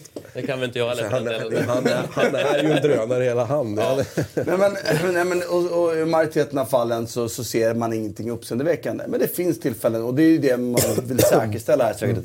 Ett toppmöte, okej, det är en bra tränare. Jag vill inte se att de förändrar någonting. Nu vill jag veta hur de går in. Det var ändå det näst roligaste som hände den här Ja, vad är det roliga? Det är Eh, ju Warnock såklart. ja, eh, brittisk stofil tänker jag på när jag, när jag läste Ward. Han, han är ju typ 100 år gammal. Och han eh, ber alltså to hell with the rest of the world. Det är en fantastisk En Brexit-anhängare med andra ord eh, har vi att göra Det är med. sjukt, det var många som sa det också. Det är alltid den man minst väntar sig som Fast det här var... Fast det här det det eller? Att han, hade den här åsikten, det var ju självklart. Att han kanske skulle kommunicera. Nu Nej, det nej, det nej, nej, nej. Vi var ironiskt. Alltså, Hela grejen var ironiskt. sorry. Eh, Du men, fattade jag faktiskt inte. Men ehm, nej, det var ju bara väldigt kul. Men det är också fantastiskt att han, att han väljer att köra tycker jag. Alltså, så här, att det är, jag menar, de här frågorna duggar ju titt som tätt och man ser ju många topptränare. Klopp pratade också om det heller, men de håller sig ganska lågt. Och Warnock bara gasar. Det är gasen i botten. Vi ska ut ur skiten. Liksom. Alltså man kan ju tycka vad man vill om det här med Brexit, men jag, jag kan ju ändå uppskatta ä, alltså, den brutala Ja. ärligheten. Ja, att jag- han står för det liksom. ha Det här är väl det bästa med Brexit, eller hur? Just det här citatet. Ja. Jag skulle säga Ja. att det pikar. Han har inga fingrar emellan här. Nej, Be far better out of the bloody thing. In every aspect. to hell with the rest of the world. Football-wise as well, absolutely. Det undrar jag också då. Då var, då var han ändå nere i, i Frankrike, läste jag också på någon tweet, och scoutade någon, eh, någon spelare. Liksom. Vad Cardiff var det? Ja, precis. Scoutade efter någon anfallare. Så. To hell with the rest of the world. Det är... eh, Det det, är ju... starka papper. den, ska, den kommer jobbas med länge den Ja, meningen. just med malaysiska ägarskapet också. Ja. Eh, Ja, det var, det var ett kul citat. Du, vi ska avsluta Englandsdelen med, med ilskan här mot eh, Rio Ferdinand. Vad handlar det om egentligen? Ja, det handlar ju om att Ferdinand är expert i BT Sport som eh, sände Chelsea-Newcastle. Eh, ja, det var jag som... Vad ska man dra ut de här? Får akta sig. Eh, nej, Rio Ferdinand är expert i BT Sport och eh, i samband med Newcastle, Chelsea-Newcastle i helgen då så fick han kommentera eh, Jake Humphrey som är programledare där, bad honom kommentera situationen i Newcastle. Och Rio har business med Mike Ashley. Eh, Sports Direct säljer Ja. Rios eget klädmärke. Så det är inte, det här, Humphrey visste vad han gjorde. Det här har hänt förut. Liksom. Eh, och det luktar som att det är en slamsugare som är här inne. Ja, det gör det tyvärr. Eh, så, av- via spolning av avloppet. Spännande. Ja, det är väl kanske Rios åsikt som, som sipprar ut från skärmen här. För att det var, han eh, han eh, eh, tog ju allting i försvar. Det var ett bisarrt resonemang. Som handlar, han, liksom, han har ingen koll på situationen. Och min gissning och många andra säger ju bara att han, han har fått höra från Ashley och Ashleys PR-rådgivare ungefär vad han borde säga om han får den här frågan. Så han tog Ashley i, i, Det här tweeten som han följde upp det med sen är ju också faktamässigt helt fel. Alltså Newcastle har en skuld på 140 miljoner pund till Ashley. Så det, det är bara struntprat. Den gamla vanliga grejen att det är Rafa som... Newcastle-fansen borde tacka Ashley för att Rafa är tränare och Ja. eh, vara glada för att spela i Premier League, bla bla bla. Ja. Sen fick han även stöd av Richard Keys, det är den roligaste. Där Keys, Keys eh, som ju då är eh, förflyttad ner till en studio i, Qatar istället för att sitta i England efter att ha fällt de här eh, sexistiska kommentarerna tillsammans med Andy Gray. Numera gör ju allt för att få uppmärksamheten här och det får han. För här sa han ju då att om Rafa är så missnöjd med med att det inte finns några pengar till transfer så kan han väl betala för spelarna själv. Att Rafa ska ta pengar ur egen ficka och köpa spelare. Vem sa det? Richard Keys, det var hans förslag. Härligt. Det var kul. Det var någon som följde upp sen med att Pochettino kan ju köpa en arena själv om han är så förbannad på att den aldrig blir klar. Han verkar inte helt... eh, helt... Det var gulligt. Ja, det var det. Helt hemmarös. Du, eh, vi tar väl lite, lite break här så kollar vi upp det här med avloppet. Det börjar lukta riktigt äckligt här faktiskt. Det var en sån bil här utanför när man kom. Det är ju spolning av alltså slam. Ja, ja, det luktade fruktansvärt hela Ja, gatan. det Ja,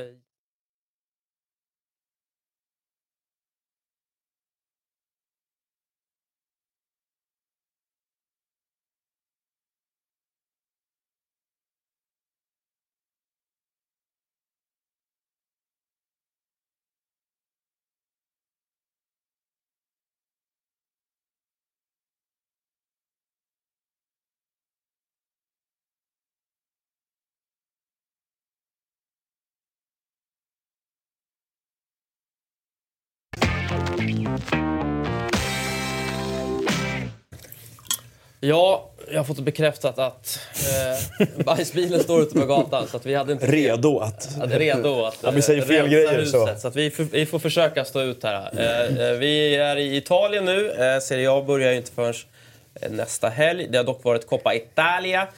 Eh, med eh, ja, egentligen favoritsegrar får man väl säga i stort sett. Ah, att Milan ändå tar Samp borta. Och sättet man tar dem på också. Ja, det är, kanske inte eh, en skräll, men med tanke på hur bedrövligt usla Milan har sett ut så... eh, kanske- Ja, men eh, då i stor, stor, alltså, man var ju väldigt besvikna i, i Sampdoria-läget. Tyckte att man verkligen skulle ha vunnit det här. Va? Så att, eh, sen finns det väl såklart någon, någon Stor symbolik i, tycker jag faktiskt, att vem är det som avgör det här till slut? Ja, det är inte Higuain som avgör för Milan. Det är ju han som ska avgöra Milans matcher den här säsongen. Utan det är Cotrone som, som avgör då. Det, det, det... Higuain måste ju vara en av de absolut mest arga fotbollsspelare jag sett. Han är fan arg hela tiden. Ja, men det, det har han ju alltid varit också, eller hur? Ja, extra eller? arg den här säsongen. Jag har Ja, gjort Europa men- League med honom och även Serie Hela A nu. tiden, Och... hela tiden i Serie A har han varit arg hela tiden. Nej. Är det därför han är arg? Tycker man är arg på annat? Han blev ju undanknuffad i Juventus. Men hur såg, hur såg eh, nya brassen ut i Milan? Paketa. Just det. Paketa. Det ska ju vara en fin spelare med. Ja, han, har, han får väl visa mer, höll jag på att säga. Ja, Det får han väl absolut göra. Han, han, var- han Annars- börjar bli svår. Så väl. Det, det jag har läst lite runt omkring alltså just när det gäller honom i den här matchen var väl att det, så det, fann, det var en liten annan dynamik i förhållande till de andra mittfältarna. Han, han har alltid liksom en första tanke att slå första passningen framåt. Och, och det är väl lite sånt som Milan bland annat har, har saknat eftersom de har mycket liksom, Ja, Milan har saknat mycket, det kan, det kan vi Mycket. slå fast. Ja, de har ju saknat spel till exempel. Det är liksom alla delar av spelet. De har saknat spel i am, på, på, med anfall och på mittfält och på, i varenda jävla lagdel. Så det är väl inte helt lätt att vara Paketa komma in och bara vara... Eh, även om, Färdig. om han nu ska vara en ny Kaká, det är klart att han själv har ju faktiskt använt de orden också. Så att, Blir inte alla brassar i Milan Jo, men det hör ju till. som den nya Kaká? Ja, men och, det, och det finns ju en historia av att det har funkat väldigt fint också. Alltså, som nationalitet så, så går ju, det finns ju undantag såklart, va, men som, som nationalitet så går ju brassen bra i, i precis som att argentinaren går bra i, i, Lazio och, så vidare. Och så vidare. så att, eh, det ligger ju i sakens natur här. Och, är, och han är ju i alla fall, om han är scoutad av Leonardo, eller han har i alla fall kommit till klubben under Leonardos tid. Och Leonardo hade ett rätt fint track record när han var där, även om det alltid finns den här diskussionen såklart. Vem var det som scoutade honom egentligen? Var det, ja, men det var inte Leonardo, det var Braida istället. Fast Braida skickade med. Eh, Det kanske inte var Leonardo, men det var lik förbannat Leonardo som fanns i klubben på den tiden. Fick väldigt mycket cred. Det var inte så mycket Braida som fick credden på den tiden. Eh, Så att eh, han har ju Leonardo-stämpel på sig också. En Leonardo-brasse helt enkelt. Och de ska vara bra. Som vara har scoutat den här killen? Vad sa du? Är det Kaká som har hämtat den här killen? För Kaká skulle väl jobba som scout för Milan? Ja, han... Ja, vad gör Kaká egentligen? Det var väl sagt, eller? Skulle inte han ha scoutroll för Milan i Brasilien? Han är runt och sprider Guds budskap bara, Kaká. Ja, Det är det han gör. För Milan. Missionerar. för mig, exakt. Han kör väl någon sån här eh, religiös... Han var ju till det och med han var ju aktuell för Silvius eh, Monza ju. Var det ju prat om ett tag, va? var det inte det? Är det inte lite kul också att eh, Lautaro Martinez, eh, varje gång han spelar, han gör ju jävla mycket mål alltså. Och han gör dem på hemmaplan. Det Ja är- men jag tänker är- såhär, ju och ofta det är ju mer bra. mål än uh, Icardi i de här typerna av matcher. Så han kanske borde få chansen lite mer. Ja, men det Sälj kanske- Icardi, han det plockar var- upp ny lön Ja, liksom. Real Madrid behöver en Precis det jag tänkte säga. Det kanske är liksom en fingertoppskänsla här. Ha honom där en säsong, få liksom växa in i kostymen och sen faktiskt eh, offloada Icardi. För Icardi snackar ju om att han vill ha högre lön, han skriver på nytt namn, erbjuder med det, det är värd och så vidare. Kanske läge att casha in lite så, så har Lautaro. Ja, det är lite för publik nu. Det har det varit ganska länge kan man ju tycka. Men det blir ju det med, med den agent han har liksom. Men det- Tyvärr. Ja, men jag känner att det. Fan, har du inte nått ytterligare en nivå nu? Alltså tidigare var... Ja, kände jag liksom att polemiken var... Det var er med en personlig familjepolemik eventuellt mellan olika familjer hit och dit. Och jag uppfattade inte att det var lik, alltså att, inte att du bara tog löneförhandlingen direkt i sociala medier. Alltså bara det att inte kunna boka in ett möte med en klubbledning. Alltså att, att den... är- Det tycker jag, Jag, jag, säger jag, väldigt jag om tycker att det, är, det skulle aldrig accepteras i Juventus det där. Nej, det är Som ju håller det som är grejen. Det, nu- det som har hållit på nu med tre fyra år med Cardi, de skulle ha skickat honom liksom. Det är klart. Och det, är det, är- så, och det sätter en standard för en hel klubb. Och det, jag har ju nu, är Marotta där, så Marotta kommer ju inte acceptera det här på något Hoppas sätt. vi inte. Nej men det kommer han inte Skicka göra. Icardi, casha in, hoppas Lautaro tar steget och så, så använder pengarna till att investera. För det är en, en, ett problem hela tiden kring det där. Något som är häftigt eh, annars vad gäller nu när vi kom till Inter här helt plötsligt. Det, det, mittbacksituationen där som ju är kopplad till mittbackar från, från spanska ligan också. Bara det här att man nu får Godin. Det, det verkar ju faktiskt som att den man kommer offra i det här läget när Godin kommer, om nu inte de här sit-in-protesterna liksom får effekt.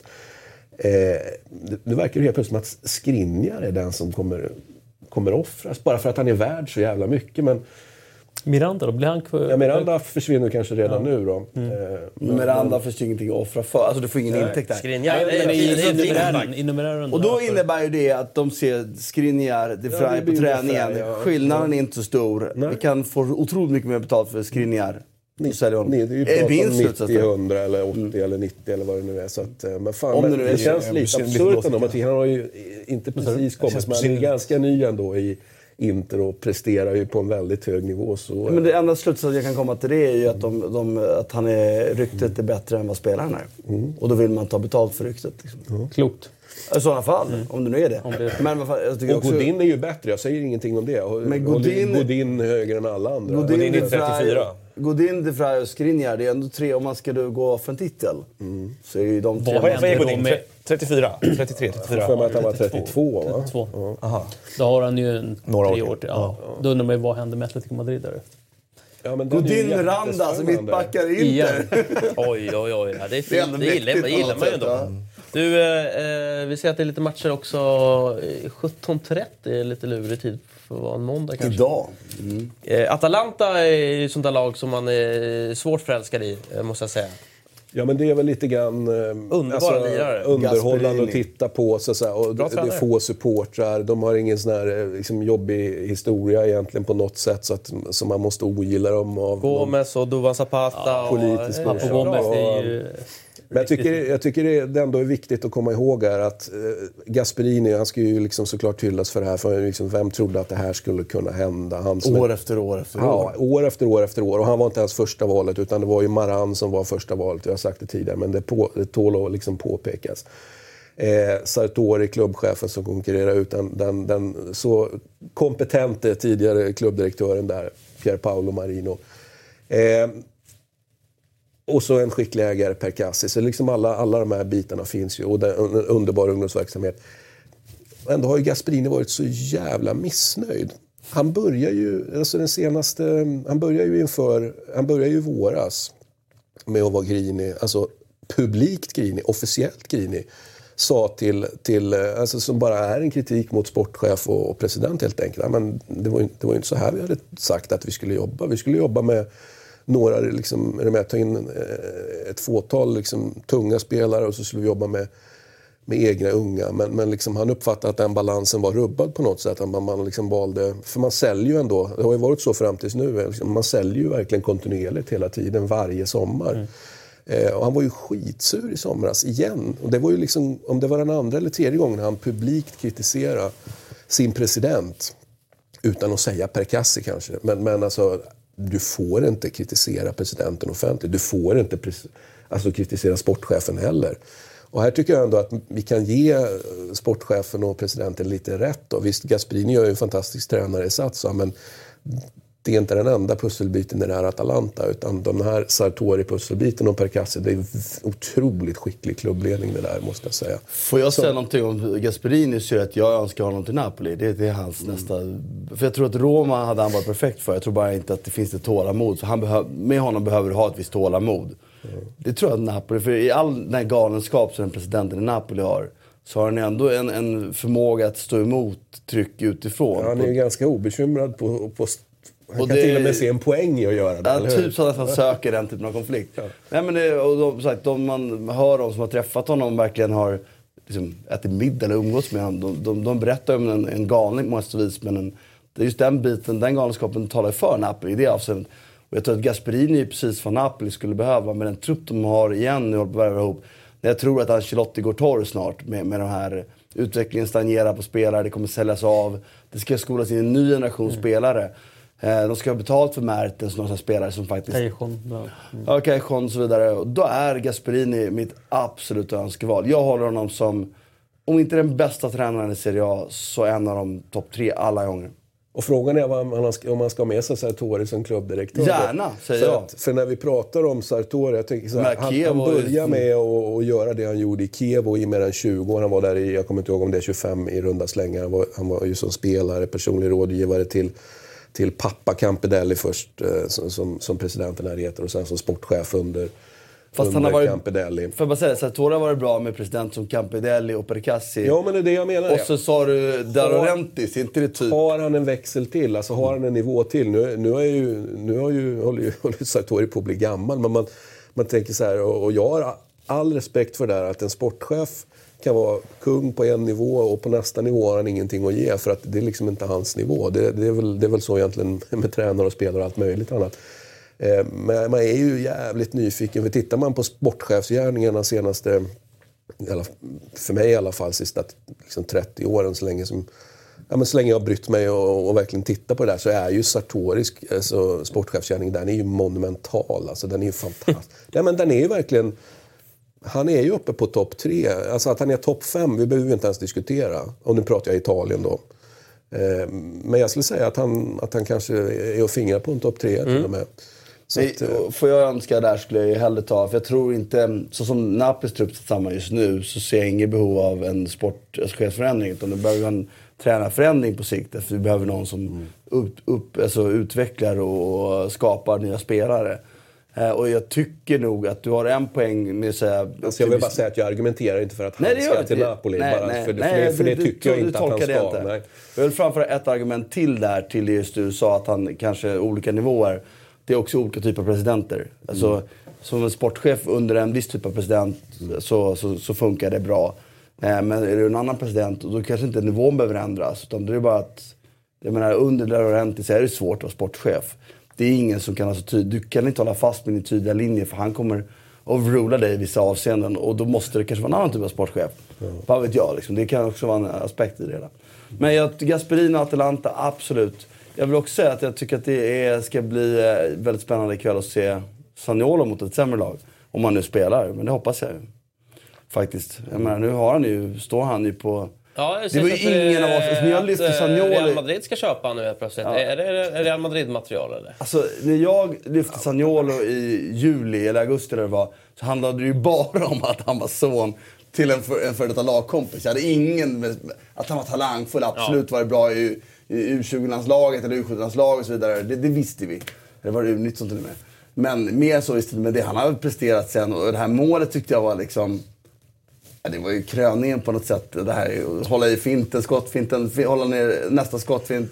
Så backen slängde sig, skottfint, målet lades ner och så bara står och lyfter den över. Då känner man att det finns något där. Och jag ser att pappan var alltid fysiskt otroligt välutvecklad för att vara italienare. För italienare är ju ofta tekniskt bra. Så kan han få den kombinationen att flyga, då är han ju väldigt, väldigt spännande. Och som jag ser det nu, det måste ju vara den intressantaste talangen i, serie, i hela italienska land, la- landet, eller?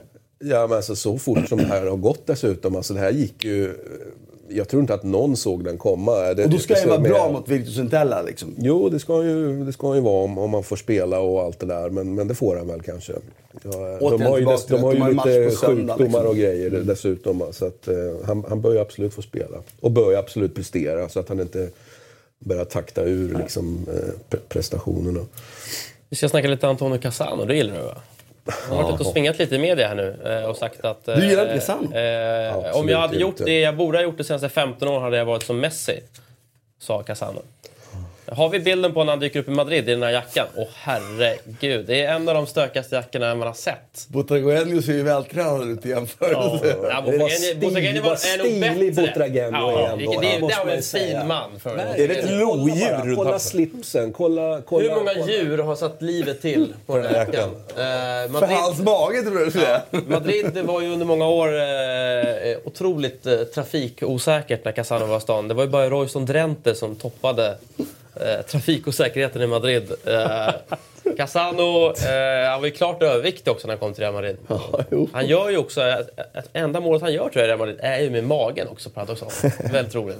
Eh, nej, det, det gick ut för. Eh, Genialt sportcheferi där från Roma och, och att få iväg honom och bli av med lönekostnad och allt ja, det, alltså, möjligt. pyntade väl en del också för. Ja, det tror jag. Var inte det den här perioden när, när Real hade liksom Ronaldo, Raúl... Eh, Ja, sen var väl där i de, samma de hade Owen Owen också. också. liksom. Så de, Och så Casano på det. Ja, men det är ju mest klassiska övergången någonsin. Det är ju Ma- Makelele out, Owen in. That's it. Nej, Beckham in var det. Ja, fast de, var det inte också att Makelele Nej. drog lite senare och sen istället för att bara ersätta honom Ja, så... nej, samma, samma sommar. Ja, okej, ja. Owen var 2004. Eller hur? Ja, det varit ett hål på mittfältet i alla fall. Det var det jag tänkte komma till. Ja, som som. Pablo Garcia och Gravesen inte fyllde. Eller Beckham. Det är skönt för jag Ingen tror- jag vill tror- det. Makelele, Newcastle följer ju samma logik sen där. När de säljer Woodgate till Real så Också en av de bästa försäljarna någonsin va? de ju, försöker de ju köpa Owen istället. De kallar ju han för eh, mannen av glas i Ja. Madrid Press. Självmål i debuten Ut, Fan, jag tänk- utvisning och självmål. mot Rosenborg. När jag, Nej, tänk, Ja, jag tror det. när jag tänker tillbaka så fan, jag, eh, Redondo, Makelele, de har ju inte haft någon... Hade en riktigt fin brasse som heter Flavio Concesao. Ja, Ja, det men var det, länge ja, sedan. men det är ju inte, ändå inte Redondo och Nej, det var Makelele. det. Han var bra. De två var ju bästa. Det var ju under Makelele-tiden när, när båda kamperade ihop dem. Men jag säger, apropå det uttalandet, att han är ju helt, helt ute och cyklar. eh, av två skäl. Det ena är att han har inte den talangen som Messi har, det är inte närheten av. Det, Nej, det är ingen när, det är ingen som har, eller det är väldigt få som har i alla fall. Det andra är ju att en del av talangen är just träna. Kom igen! Det är ju det, är trött. Däremot ska jag hålla med om att hade han tränat ordentligt så hade han ju... Alltså vi fick ju bara se en bråkdel av talangen. Det, var ju, det är ju en otroligt stor det talang. Det är det ju. Det är det ju. Christian gillar jag inte för han var från Bari och Christian håller på Lecce. Det- Det, finns, det är inte bara egentligen det, utan... eh, I Samp var han ju fantastisk. Nej, men det, finns, det har andra orsaker också. Jag liksom bara sett, han, han är ju en, o- en oroshärd som jag, av, alltså jag avskyr den typen av... Jag älskar genialitet på en fotbollsplan, absolut. Men någonstans vill jag ha en kontrollerad genialitet. Alltså mer, jag tänker på en, en, en, gal, en galen jugge till exempel. Alltså jag, jag, jag älskar ju de här...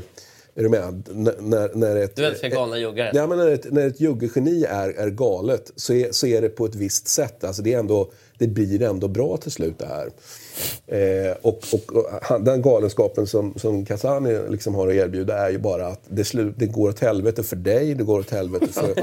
det går åt helvete för, ja, men det går åt helvete för det, för det, för det laget som, som, och, dina, och dina lagkamrater. Så att han, han sänker ju liksom precis alla, inklusive sig själv. Och det tycker jag finns något djupt tragiskt över Och vet det. du vad? Jag tror att han hade kunnat få en upprättelse om Zlatan och han hade spelat längre ihop. För att Zlatan hade ett inflytande på honom, som vad jag förstår. Eh, dels både fysiskt, vilket han då pratar ett språk som den där grottmänniskan mm. pratar om, Casano. Och sen så också attityden. En spelare som var fysiskt starkare och var tekniskt bättre och var större spelare än han var i hierarkin och tränade jävligt hårt. Hade Casano, han- Casano var faktiskt bra den här våren med Zlatan.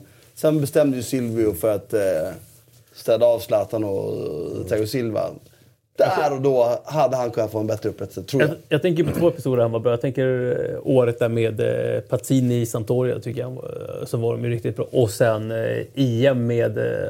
Det var ju två dårar på topp då. Det var han och Balotelli i, i Italien. Det är ju ett av de skönaste anfallsparen. Ja, onekligen. På alla Helt absurt. Det vill till att turneringarna är korta där. Jag tror ju att, att, eh, att både Balotelli och Casani är fantastiska att göra med så länge de är i bra form. Så eh, är de ju, tror jag, Så länge de får spela. Länge så det han livet säger här, alltså med att man vet att även om man, even if I screw up, I get another chance. Det är väl- det, är det vanligaste återkommande temat som finns med naturbegåvade fotbollsspelare. känns Väldigt svårt för kakor har jag läst i en intervju. Åh fan. Ja, det har man kunnat Det var svårläst. Ja, exakt. Eh, Det är ju Mercato också i Italien naturligtvis. Gabbiadini till Sampdoria kan ju bli spännande. Eh, Fast den kändes ju lite trött. Va? Det är, dels är, det- jag tycker det är en återkomst och man känner... Har, alltså jag, Fast Gianpaolo.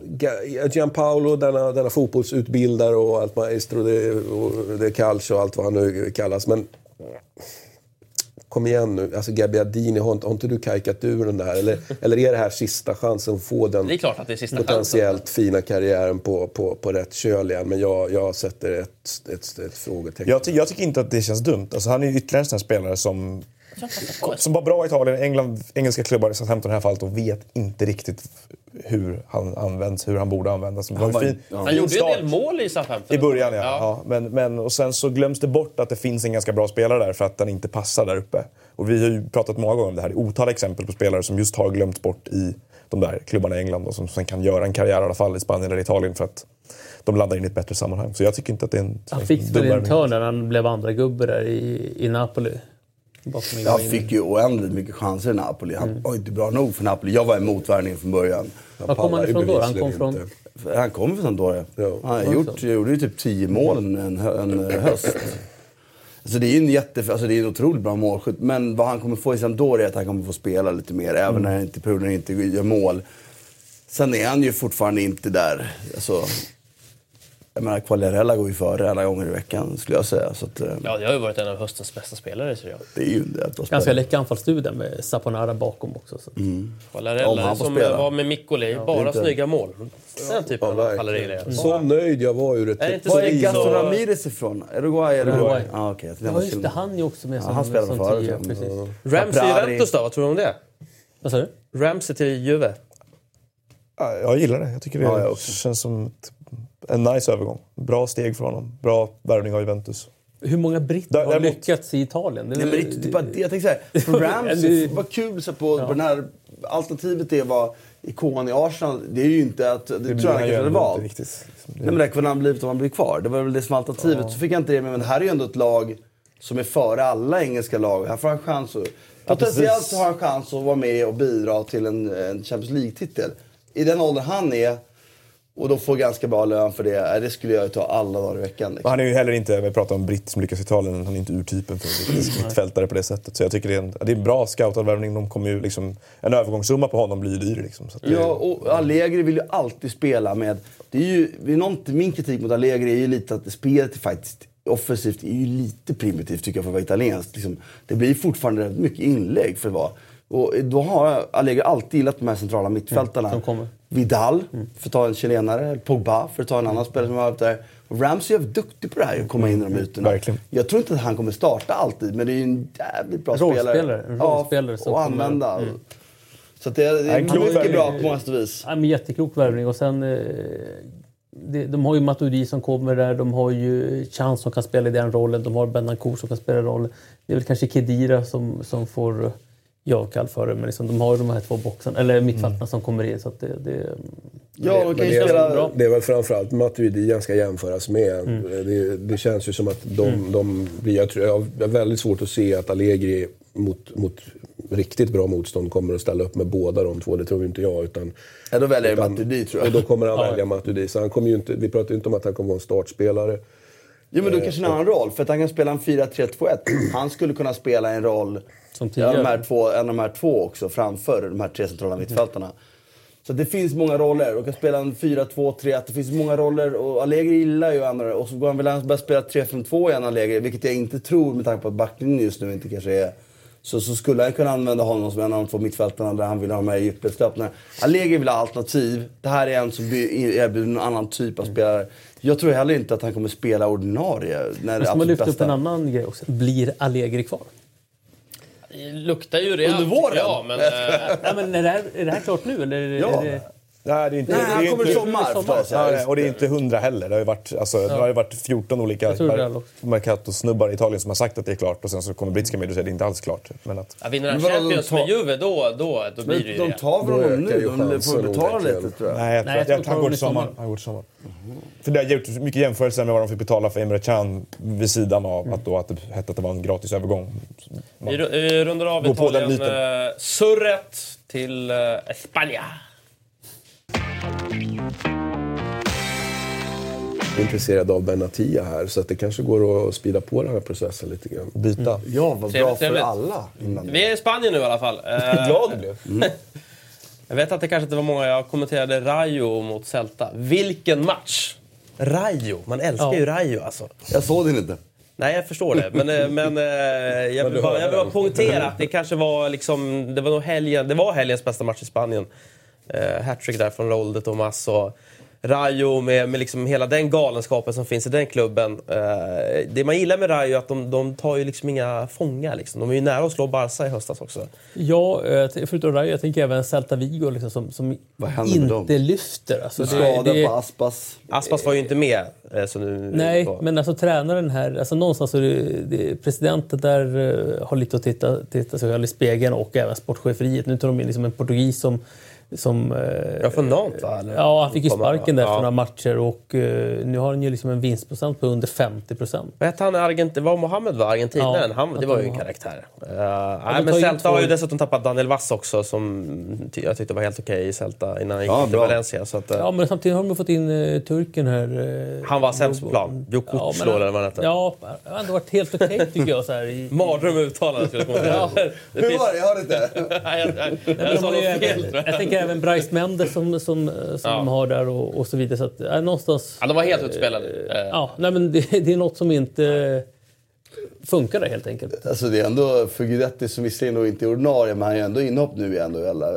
Han får göra det nu? Ja. Mm. Det, är några Det behövs matcher. komma lite poäng bara. Det är väl det som... Jo visst, men ändå vara med ett lag som är där uppe och slåss. Och sen så, alltså, jag inbillar mig ändå att han är så pass pragmatisk att med hans ålder, ingen ålder i livet, men i fotbollsspelare är ändå liksom på andra, delen av, andra sidan av, av, av karriären. Då är det ju ändå härligt att vara med ett lag som slåss i toppen som de gör. Och vara med och få inhopp är ju bättre än att se sina konkurrenter, eller sina konkurrenter, men sina medspelare som numera är konkurrenter harva i botten. För Celta är ju indragna nu på riktigt. Men vad gick han, eh, sportchefen där, Torresia, som värvade Guidetti till Celta från början? Som de, de hade, det var ju då de var stabila och slutade på Europa Han bytte ju klubb i Spanien till någon annan. Så- Han var ju i bytte väl Betis. till Gijon va? Var det? Nej. Eller Till kom han från Till Gijon? Real Betis. Till Betis var det. Och, lä- och, och han ju lämnade Och han lämnade också. Jaha. Så Bet- Betis å andra sidan är ju, är ju en katapultstol Mm. för sportchefer. Ehm, Men, men det alltså, är ju aldrig ett framgångsrecept. Men eh, ba- bara för att flika in där på eh, Guidetti och Alaves. Alltså en, en av de stora anledningarna till att han fått speltid nu är ju också att de har blivit av med Ibai Gomez. Ja, som- som men han såldes- drog ju nu nyligen, Ja, nyligen precis, ju. precis. Men det genererar ju att de behöver liksom flytta ner Burgi på ena kanten, behöver flytta in eh, flytta ner, Johnny är skadad, Mm. behöver flytta ner Ruben Sorin och då blir han ju på automatik som tredje gubben där uppe på, på topp. Ja, och det är ju roligt att vara med och bidra. Men herregud, alltså vara med. Han spelar ett lag och gör inhopp då nu då i alla fall. Mm. Ett lag som ligger femma i världens bästa liga. Men det är, det är, om man tittar på Inte tabellen där, man tittar på femte och sjätte platsen, Alaves Getafe, det är två lag med ganska liknande liksom, arbetssätt. Eh, du pratade tidigare om United, det är samma sak. Bra defensiv organisation, Ja, tidig första har ju- boll, in bakom backlinjen. Eh, och liksom ett bra, snabbt omställningsspel. Påminner en Abelardo hel del om Bordalas. Valencia i fjol. Vad sa du? Abelardo Bordalas. Ja, exakt. Eh, Real Madrid uppe på Champions League-plats. Eh, slog, Grattis. Eh, jag vet inte varför jag gratulerar mig. Jag håller på Las Palmas. Ja, ja. Och eh, eh, de spelade 3 från 2 i, i, igår kväll mot Ja. Betis. Eh, och det, jag tycker faktiskt att det, det, det såg ju lite bättre ut måste jag säga. Ja, men då får ju många spelare på, på rätt eh, Första halvlek framförallt är ju bra. positioner om man uttrycker sig så. Då. Men eh, det oroväckande är liksom att... eh, Det, det, för det första så är det ingen överraskning att de inte skulle ha boll i den här matchen. Det, det, det är nummer ett. 25% boll, eller? Var det verkligen över, Det var ju en stor del i andra halvlek som det var 72-28 såg jag. Men Ja. det var väl inte så över hela matchen? Nej, Då det var det kanske Det var under, 60 under, perioder. Men jag tycker ju ändå någonstans eh, att det är lite beklämmande att se Real Madrid så här. Alltså se dem så lågt igår. Ja, jag såg också hela matchen. Med De var ju väldigt fembackslinje alltså. Med Modric som, som följer egentligen eh, Francis i praktiskt taget. Så, så att de ligger nästan med sex spelare på linje med tre framför. Eh, det, är lite, det är beklämmande för, för en eh, storklubb som, som Real Madrid tycker jag. Och, eh, Jag håller med. Jag håller med. men, men om man liksom ändå ska lyfta liksom någonting positivt i Real Madrid, vilket inte är mycket under, under hösten, så är det Vinicius Junior. Där finns det någonting och han på något sätt får sitt genombrott Mm. precis när klubben behöver. Alltså på något sätt liksom hans egenskaper. Han har ett accelerationsmoment som När är... Perez behöver det menar du? ja. Ja, eh, exceptionellt. Är Så, där har de en, en, eh, en, en diamant om de slipar den eh, rätt. Och per, på tal om Florentino, han, han ska ju bara hålla på med den här jävla renoveringen där Bernabéu. Fixa det. Lämna över sporten till någon som har koll. Alltså. Ja, för att precis skaffa Han någon som håller på. inte, alltså. Alltså. någon utför ju arbetsuppgifterna där inuti labyrinten någonstans. Men då vore det skönt om vi kunde få en, en på, på organigram eller vad det nu Hur mycket heter. äger han i det här byggbolaget? Ja, det är mycket. Det De ska alltså glasa in hela skiten. Det ska vara tak och det är hotell och... Ja, det är Det där byggbolaget tjänar han ju jävligt Ja, bra stålar ja, på. ja, Då syftar jag inte på det han gör i Madrid, utan över hela världen. De är fan... Ja, de är stora. Han är väl en av Europas rikaste män, Florentino. Så att... Men eh, tillbaka till, till, eh, jag tänker till matchen här. Alltså det, det är ju en, en klassisk matchbild när man ser Kiki Setien-lag. Alltså, eh, högt bollinnehav, eh, lite för dålig liksom, utdelning egentligen. För, Skapar ju för lite Men vi för saknar lite. ja, Las Men det är ju- ändå. men det är svårt Ja, att- jag men, de är inte Det är riktigt, där han ska inte riktigt kanske. spetsen eh, framåt. Sen är det ju det finns kanske en spe, matchens spelare i den här matchen tycker jag för mig är ju Giovanni Lo Celso. Jag har Ja, lyft upp honom som här tidigare. Eh, för mig är det ju som fortfarande någonstans ett frågetecken att han i ett begränsat Argentina inte får någon speltid i VM i somras. Eh, Då är det konstigt. De hade en idiotisk tränare.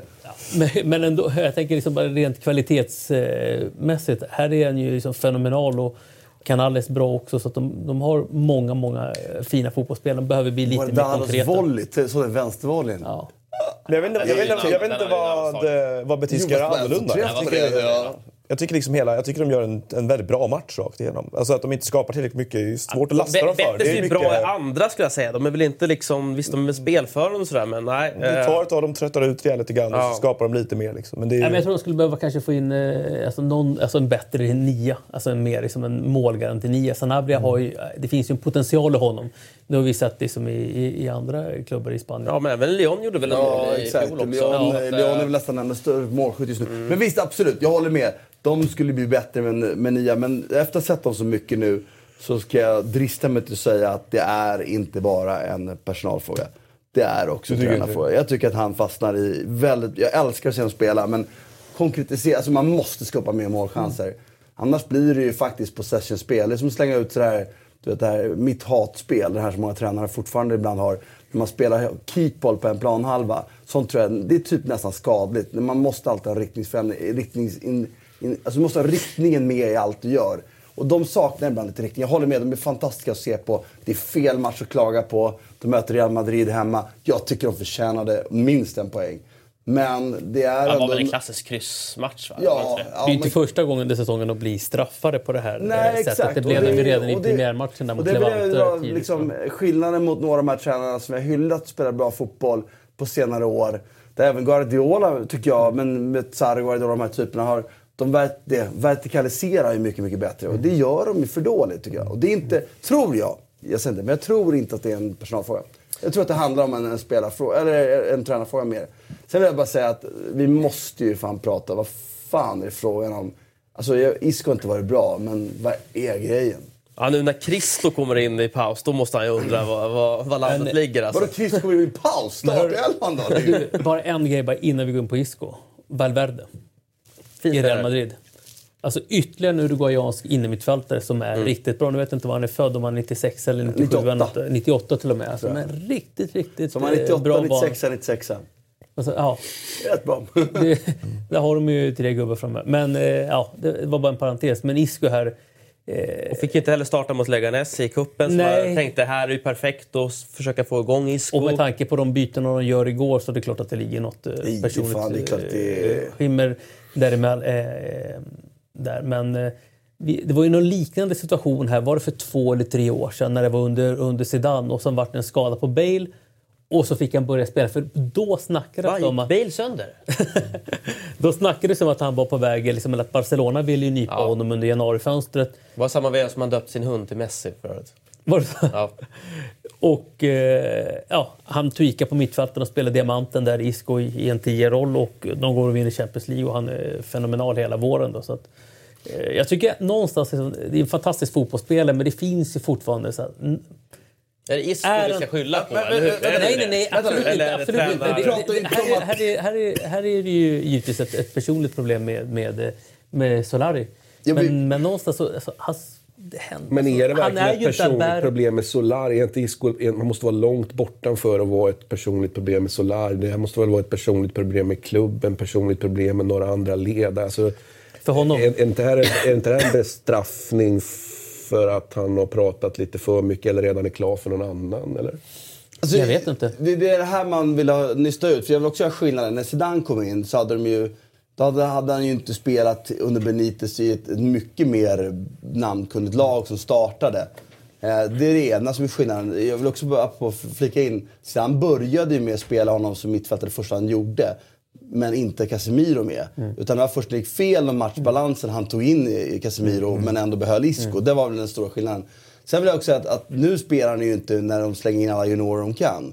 Det är Valverde absolut potentiellt sett en, en intressant spelare. Men han är inte bättre än att spela med Modric där bak och Isco framför. Det här är ju... Och Isco är inte, det håller jag med om, Isco tycker jag har bevisat att efter den här toppar han har haft under Zidane, det är inte spelare att bygga Real Madrid omkring. Ja, men han drar ju inte Real Madrid och det kanske han inte... Han är lite för ojämn för att vara en Real Madrid-spelare som man vinner titlar med. Men i den situation de är nu så är det inte, det är inte, det Det är inte ens fråga 1, 2 eller 3 om man startar. Det är klart han ska starta när alla de här spelarna är borta. Det, är, det, här, det är ju någonting. Är det klubbyte klart? Jag tror inte det. Då är det något personligt dem emellan eller något annat. Peres, jag vet inte. Och det är ju också då liksom någonting, alltså, Perez har ju lyckats klä in de här, alltså tittar du på Real Madrid sista tio år, det är för få ligatitlar. Det är egentligen ett misslyckande. Ja, det är två stycken va? Ja, det är ju, det är, det är egentligen, och ligan är ju, de har, han har lyckats klä in det här, de här Champions League-serierna. Det är inte obetydligt såklart. Men, Ja, men det, det är väl lite så, så det- jag skrev ut det på Twitter för några veckor sedan att, att nå, någonstans så har man ju sminkat över de problemen som finns liksom, i, Ja, jag håller med, i, i, i klubben. Man har inte haft en sportchef sen Butragueño. Man har andra personer i organisationen som har Valdano sport- var väl efter Butragueño, var inte det? Ja, var han inte innan? Ja, jag tror Valdano var efter. Men, eh, och, och så har de eh, ja, andra som har liksom sportsligt ansvar men de har liksom ingen liksom sportslig riktning. Och nu har man ju, eh, Real Madrid har ju varit liksom ett fantastiskt kupplag de senaste liksom, tre åren. Nu ska vi inte räkna bort dem helt och hållet från... från Ja, ligan vinner de ju inte med det här. Nej, det, gör de inte. Men i. Champions League ska vi inte... Nej. Så de har ju någonstans återigen liksom sminkat över det, det problem som klubben har. Jag, sak, jag saknar ju Lopetegui redan nu. De spelade fan med bättre fotboll i alla fall. Liksom. Ja, det vet jag fan. Jo, det gjorde de fan. Alltså, de skapade, det har du ju sett alla de här. De har skapade mer målchanser under honom. Eh, de släppte till mindre. De har gjort, de har gjort mer... De torskar ju mer också. Jo, men det är ju... Det kanske man måste göra i Men början. visst, jag håller med om att han, Ja, kanske, alltså, han rök de har- tidigt. Det kan jag väl De köpa. skapade, ja, men förvalt, nej det tycker inte jag men de röker mot en sämre tränare. De skapade alltså mer under Lopetegui men gjorde mindre mål för att effektiviteten på de individuella spelarna var sämre. Eh, de släppte till mindre målchanser men släppte in mer mål. Och mycket för att de faktiskt haft rätt bra målvaktsinsatser innan han gick sönder nu, Courtois. Sen vill jag bara säga en sak, för jag började titta, min son ställde en fråga till mig så här för, för någon vecka sedan, alltså vem som var världens rikaste klubb. Och, och så här, jag bara, men jag tror inte Real Madrid. Och så här, han pratade om United. Så började jag bara, men jag kolla lite liksom. Så tittade jag på, någon, på de senaste åren eh, på Real Madrids siffror. Alltså det är ju häpnadsväckande vilken jävla underskuldsatt klubb det är. Alltså de borde ha värvat spelare för två miljarder de sista tre De har ju gått, jag tror de har gått plus till De och med det- på, bara på transfers va? Eh, Vilket är rätt unikt för vad Real de, Madrid. de har alltså någonting som kallas för negativ, eh, negativ nettoskuld. Det vill säga att deras räntor, de, folk har ju lite svårt ibland att hålla här med skulder. Man kan inte kolla på långsiktiga och kortfristiga skulder på samma sätt. För kortfristiga är det som är spelavtal och sådana saker som är skuld till andra klubbar. Det är en del av verksamheten, det är inte räntebärande. Sen har du långfristiga skulder som är räntebärande. Den delen är mindre än vad deras kassa är. Det är unheard of i Madrid. Och det, det är ju folk helt missat, tycker jag. Att alla Real Madrid-supportrar borde tycka att det här ska värvas.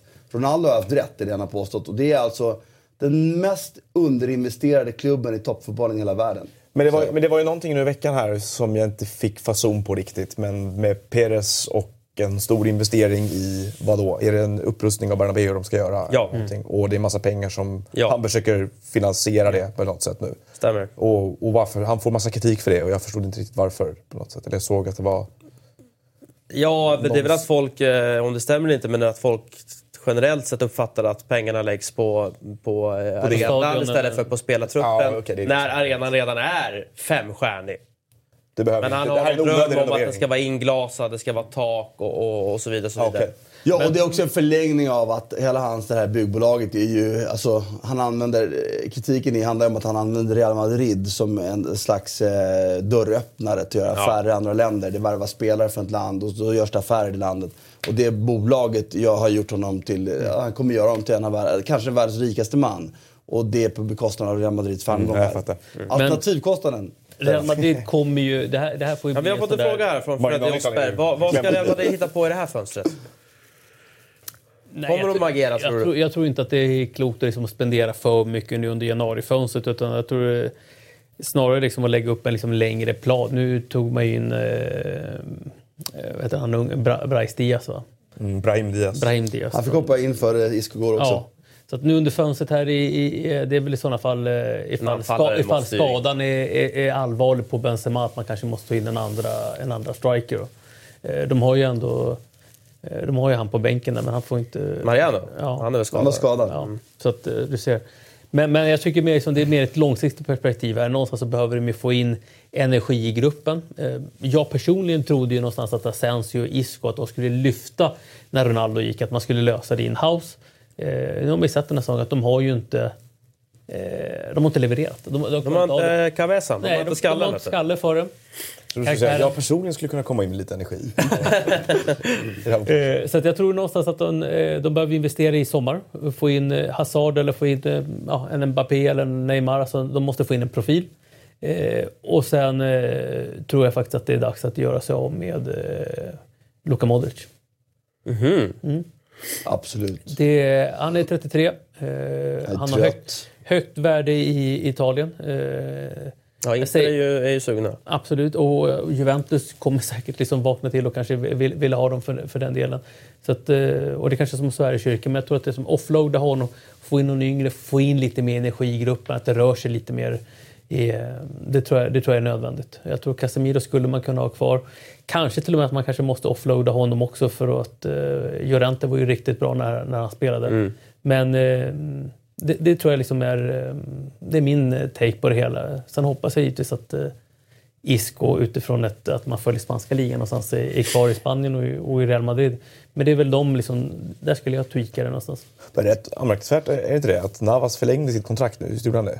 Förra Ja. veckan? med, med Courtois i, i klubben. Att det ändå är liksom, är- han är Det ändå... är rätt fint att vara andra Ja. keeper och hoppa in lite och Men han kommer ju från någonting annat. Jag fattar inte det där. Att Han är gammal. Fast jag vet inte, man vet ju aldrig, man, nu har man ju bara ett utanför perspektiv på det hela. Man vet ju inte vad det finns för klausuler där. Liksom att de kanske vill eh, ja, förlänga honom för att få ut några pengar. Få ut Så pengar för kontraktet var ju, löpte så ut här i sommar. Men ska man säga någonting? Jag skulle vilja säga så här. Om jag hade fått bestämma så hade jag ju sprängt banken nu. Gått och lånat 3 miljarder och köpt Neymar och Icardi på en gång. Pang.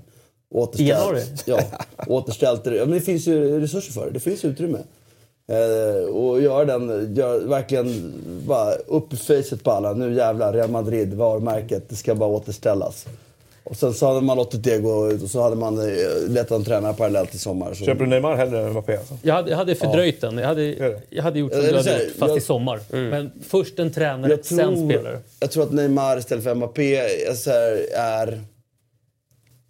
Ja, det tror jag. Och det finns två skäl till det. Eh, tre skäl till det. Det ena är att jag tror att han är lättare att sälja, köpa. För Ja, det är klart det är. Det. Eh, det är det första och viktigaste. Det andra är att Du vet tror... ju exakt vad han kostar, Mm, exakt. Neymar. Dessutom- 222. Och jag tror till och med att det kanske går att tweaka det på något sätt. Kan Är det det, han har utköpsklausul? 202 kanske? Ja, men Har du PS... råd med den här glasväggen på Bernabéu? PS... ja, men PSG är också liksom...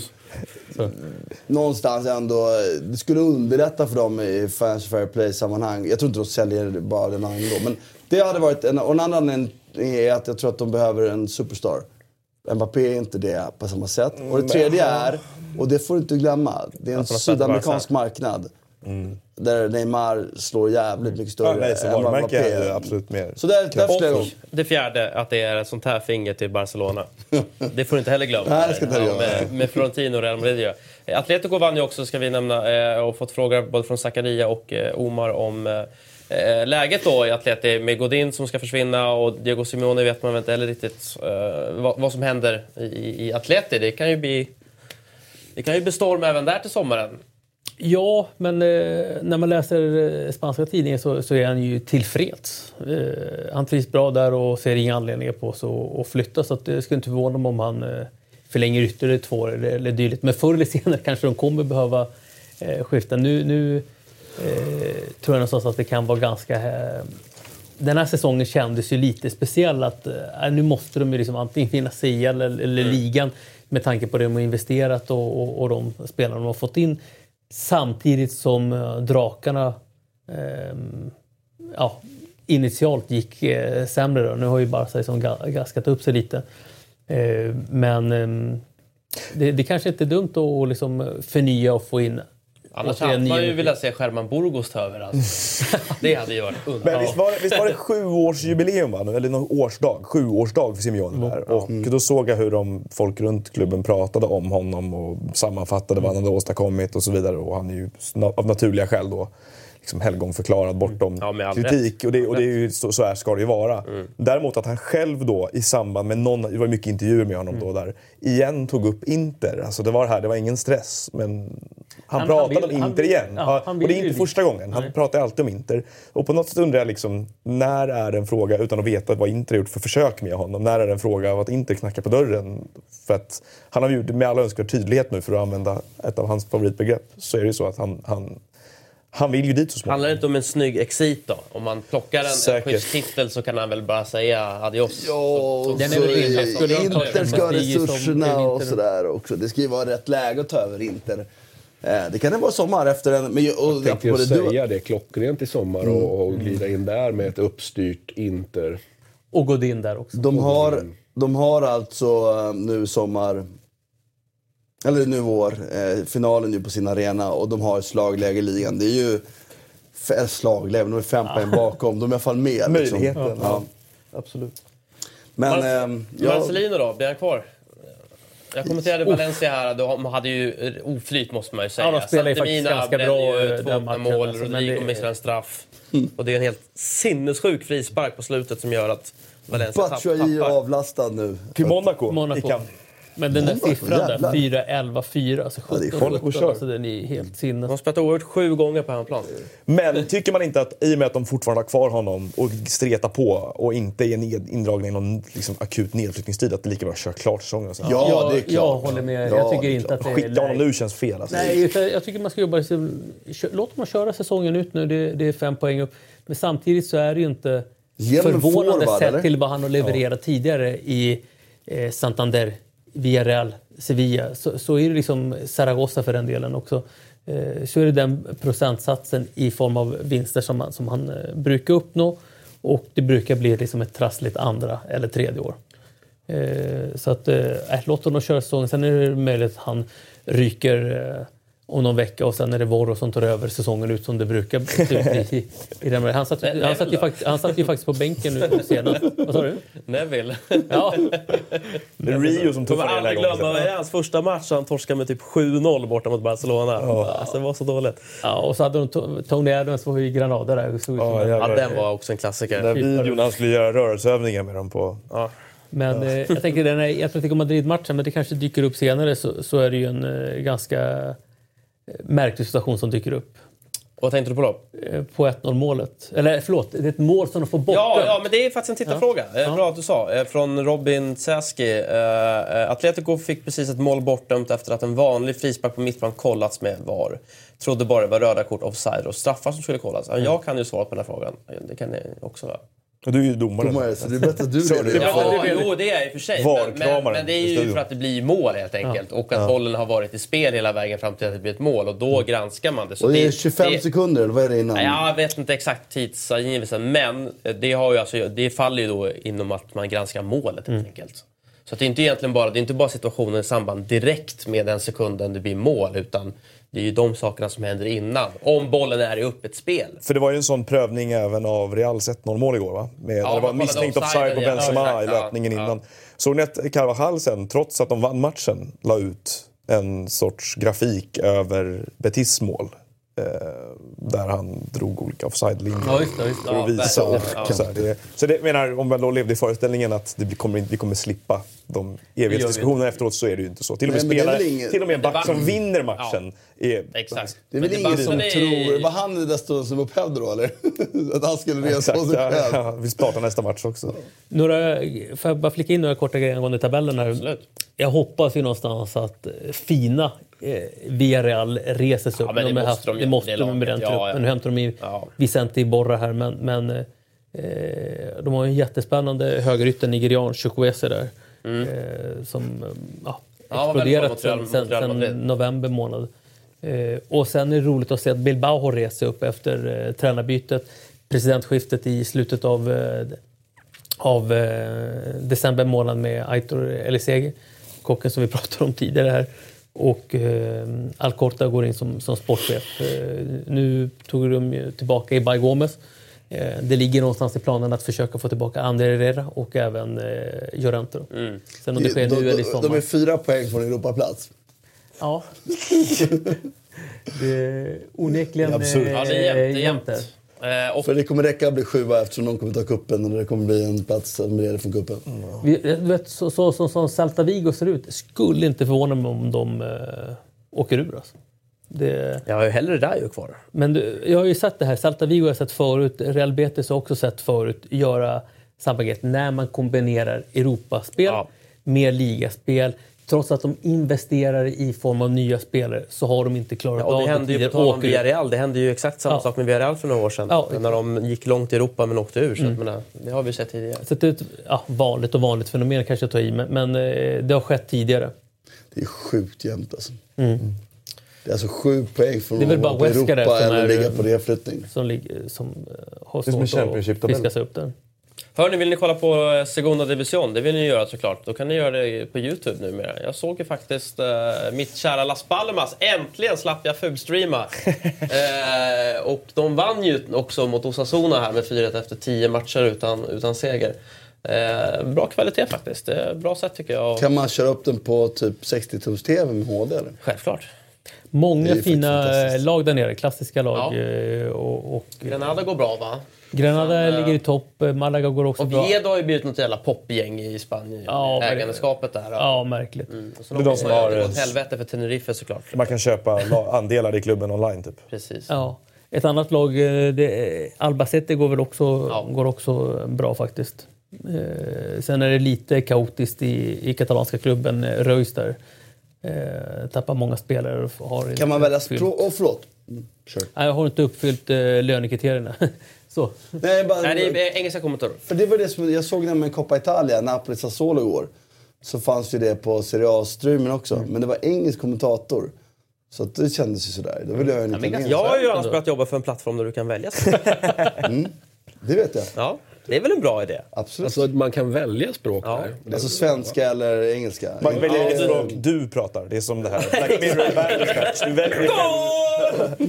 Jag saknar den lite från det. Jaha, är det så Jag det körde ändå Golasso i fredags, när jag fick feeling. Eh, för att, det var, för att det var så ett jävla snyggt mål. Då skrek jag faktiskt Golasso. Men nu sagt, Rayo Celta, det var en smal match. Det kanske inte var så många som tittade. Men, men, eh, det, var är därför du vågade. Det är ett problem som, som svensk kommentator är att det är inget skönt att liksom ropa mål långt. Det låter väldigt konstigt med att ropa mål i 15 sekunder. Men goal, det kan inte du kan hålla igång. Mål! Nej, det låter... Ja, men du har ju de här eh, sydamerikanska kommentatorerna och eh, mexikanerna när de drar De är uppe i två, tre minuter. Ja, det är fantastiskt. Så när, Fast när ibland är det ju riktigt dåligt sen också. Man- Då blir det bara gå, gå, gå, gå! Nej, jag älskar sydamerikanska fotbollskommentatorer. Det är förebilderna naturligtvis. Eh, vi har hållit på i två timmar nästan här. Är det någon som vill runda av med någonting så eh, feel free to do. To hell with the rest. Bundesliga börjar nästa helg. Ja, det gillar vi naturligtvis. Bundesliga, Serie A tillbaka eh, naturligtvis också. Iñaki Williams fortsätter med fin form. Iñaki sänker Sevilla. De, eh, de möts ju tre gånger på sex dagar. Det är Ja, exakt. Det är så klassiskt är- spanska cupen. eh, Att de typ kör de här trötta dubbelmötena. Jag älskar det! Nej, men framförallt när det är typ liksom Barca eller Real mot ett typ så här Tercera division-lag. Men det är Och så bra. gör de en supermatch, får typ 1-1 hemma och så vet de liksom att det blir 0-6 För, på kampen. för det som är bra med det är två saker. Det ena är att, att de ska ändå spela mot... De slipper Barcelona istället spela mot de här... Du vet, Du, du tar ju bort skrällfaktorn helt. Ja, typ. men de, tar, de slipper också möta de här tredjedivisionslagen för att... Pekar du på mig? Nej. På tal om tredje division. Det det var inte jag. Soporna som... Nej men de slipper ju möta de här tredjedivisionslagen för det Ja. har slagit ut på vägen. Och så när de möts så, så, Ja, får då du blir det alltid, ja. Ja. så blir det alltid, och till slut, vilket gör att spanska cupen alltid har riktigt bra möten ju. Alltså det blir heta möten. Men skrällfaktorn är borta, men den är, ju för... Eh, Ja, om inte Real Madrid använder Fotbollsnybörjare, eh, Cheryshev som de gjorde mot Cadiz där, klassiker. Kan vi även meddela för de som lyssnar på programmet och inte har haft rätt kameravinkel att Martins telefon just nu ringer för ungefär 19 gången. Ja, det är så? Ja, någonting väldigt brådskande Det såg händer. ut som en Burkina Faso-nummer. Han måste bestämma sig om man ska köpa eller sälja nu. Det är jättebråttom efter programmet. Vi vill inte ens kissa efteråt. Nej, vi, eh, vi, ska rund, vi rundar av helt enkelt. Stort tack för att ni kom hit. Eh, Tack. na- Naturligtvis. Eh, kul att ni valde att titta och hänga med oss. Eh, fortsätt mata Twitterkontot eh, Eurotalk 2005. Eh, mer frågor behöver inte bara vara live. Ni kan skicka in under veckan så kommer den som sitter i den här stolen eventuellt ta upp det. Så vi säger ciao!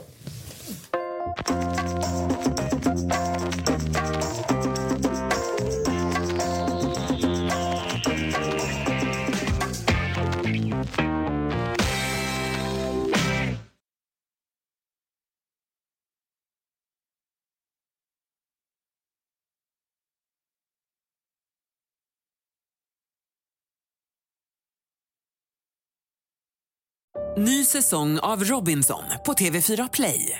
Hetta, storm, hunger. Det har hela tiden varit en kamp. Nu är det blod och tårar. liksom. Fan händer just nu. Det. är Detta är inte okej. Robinson 2024, nu fucking kör vi!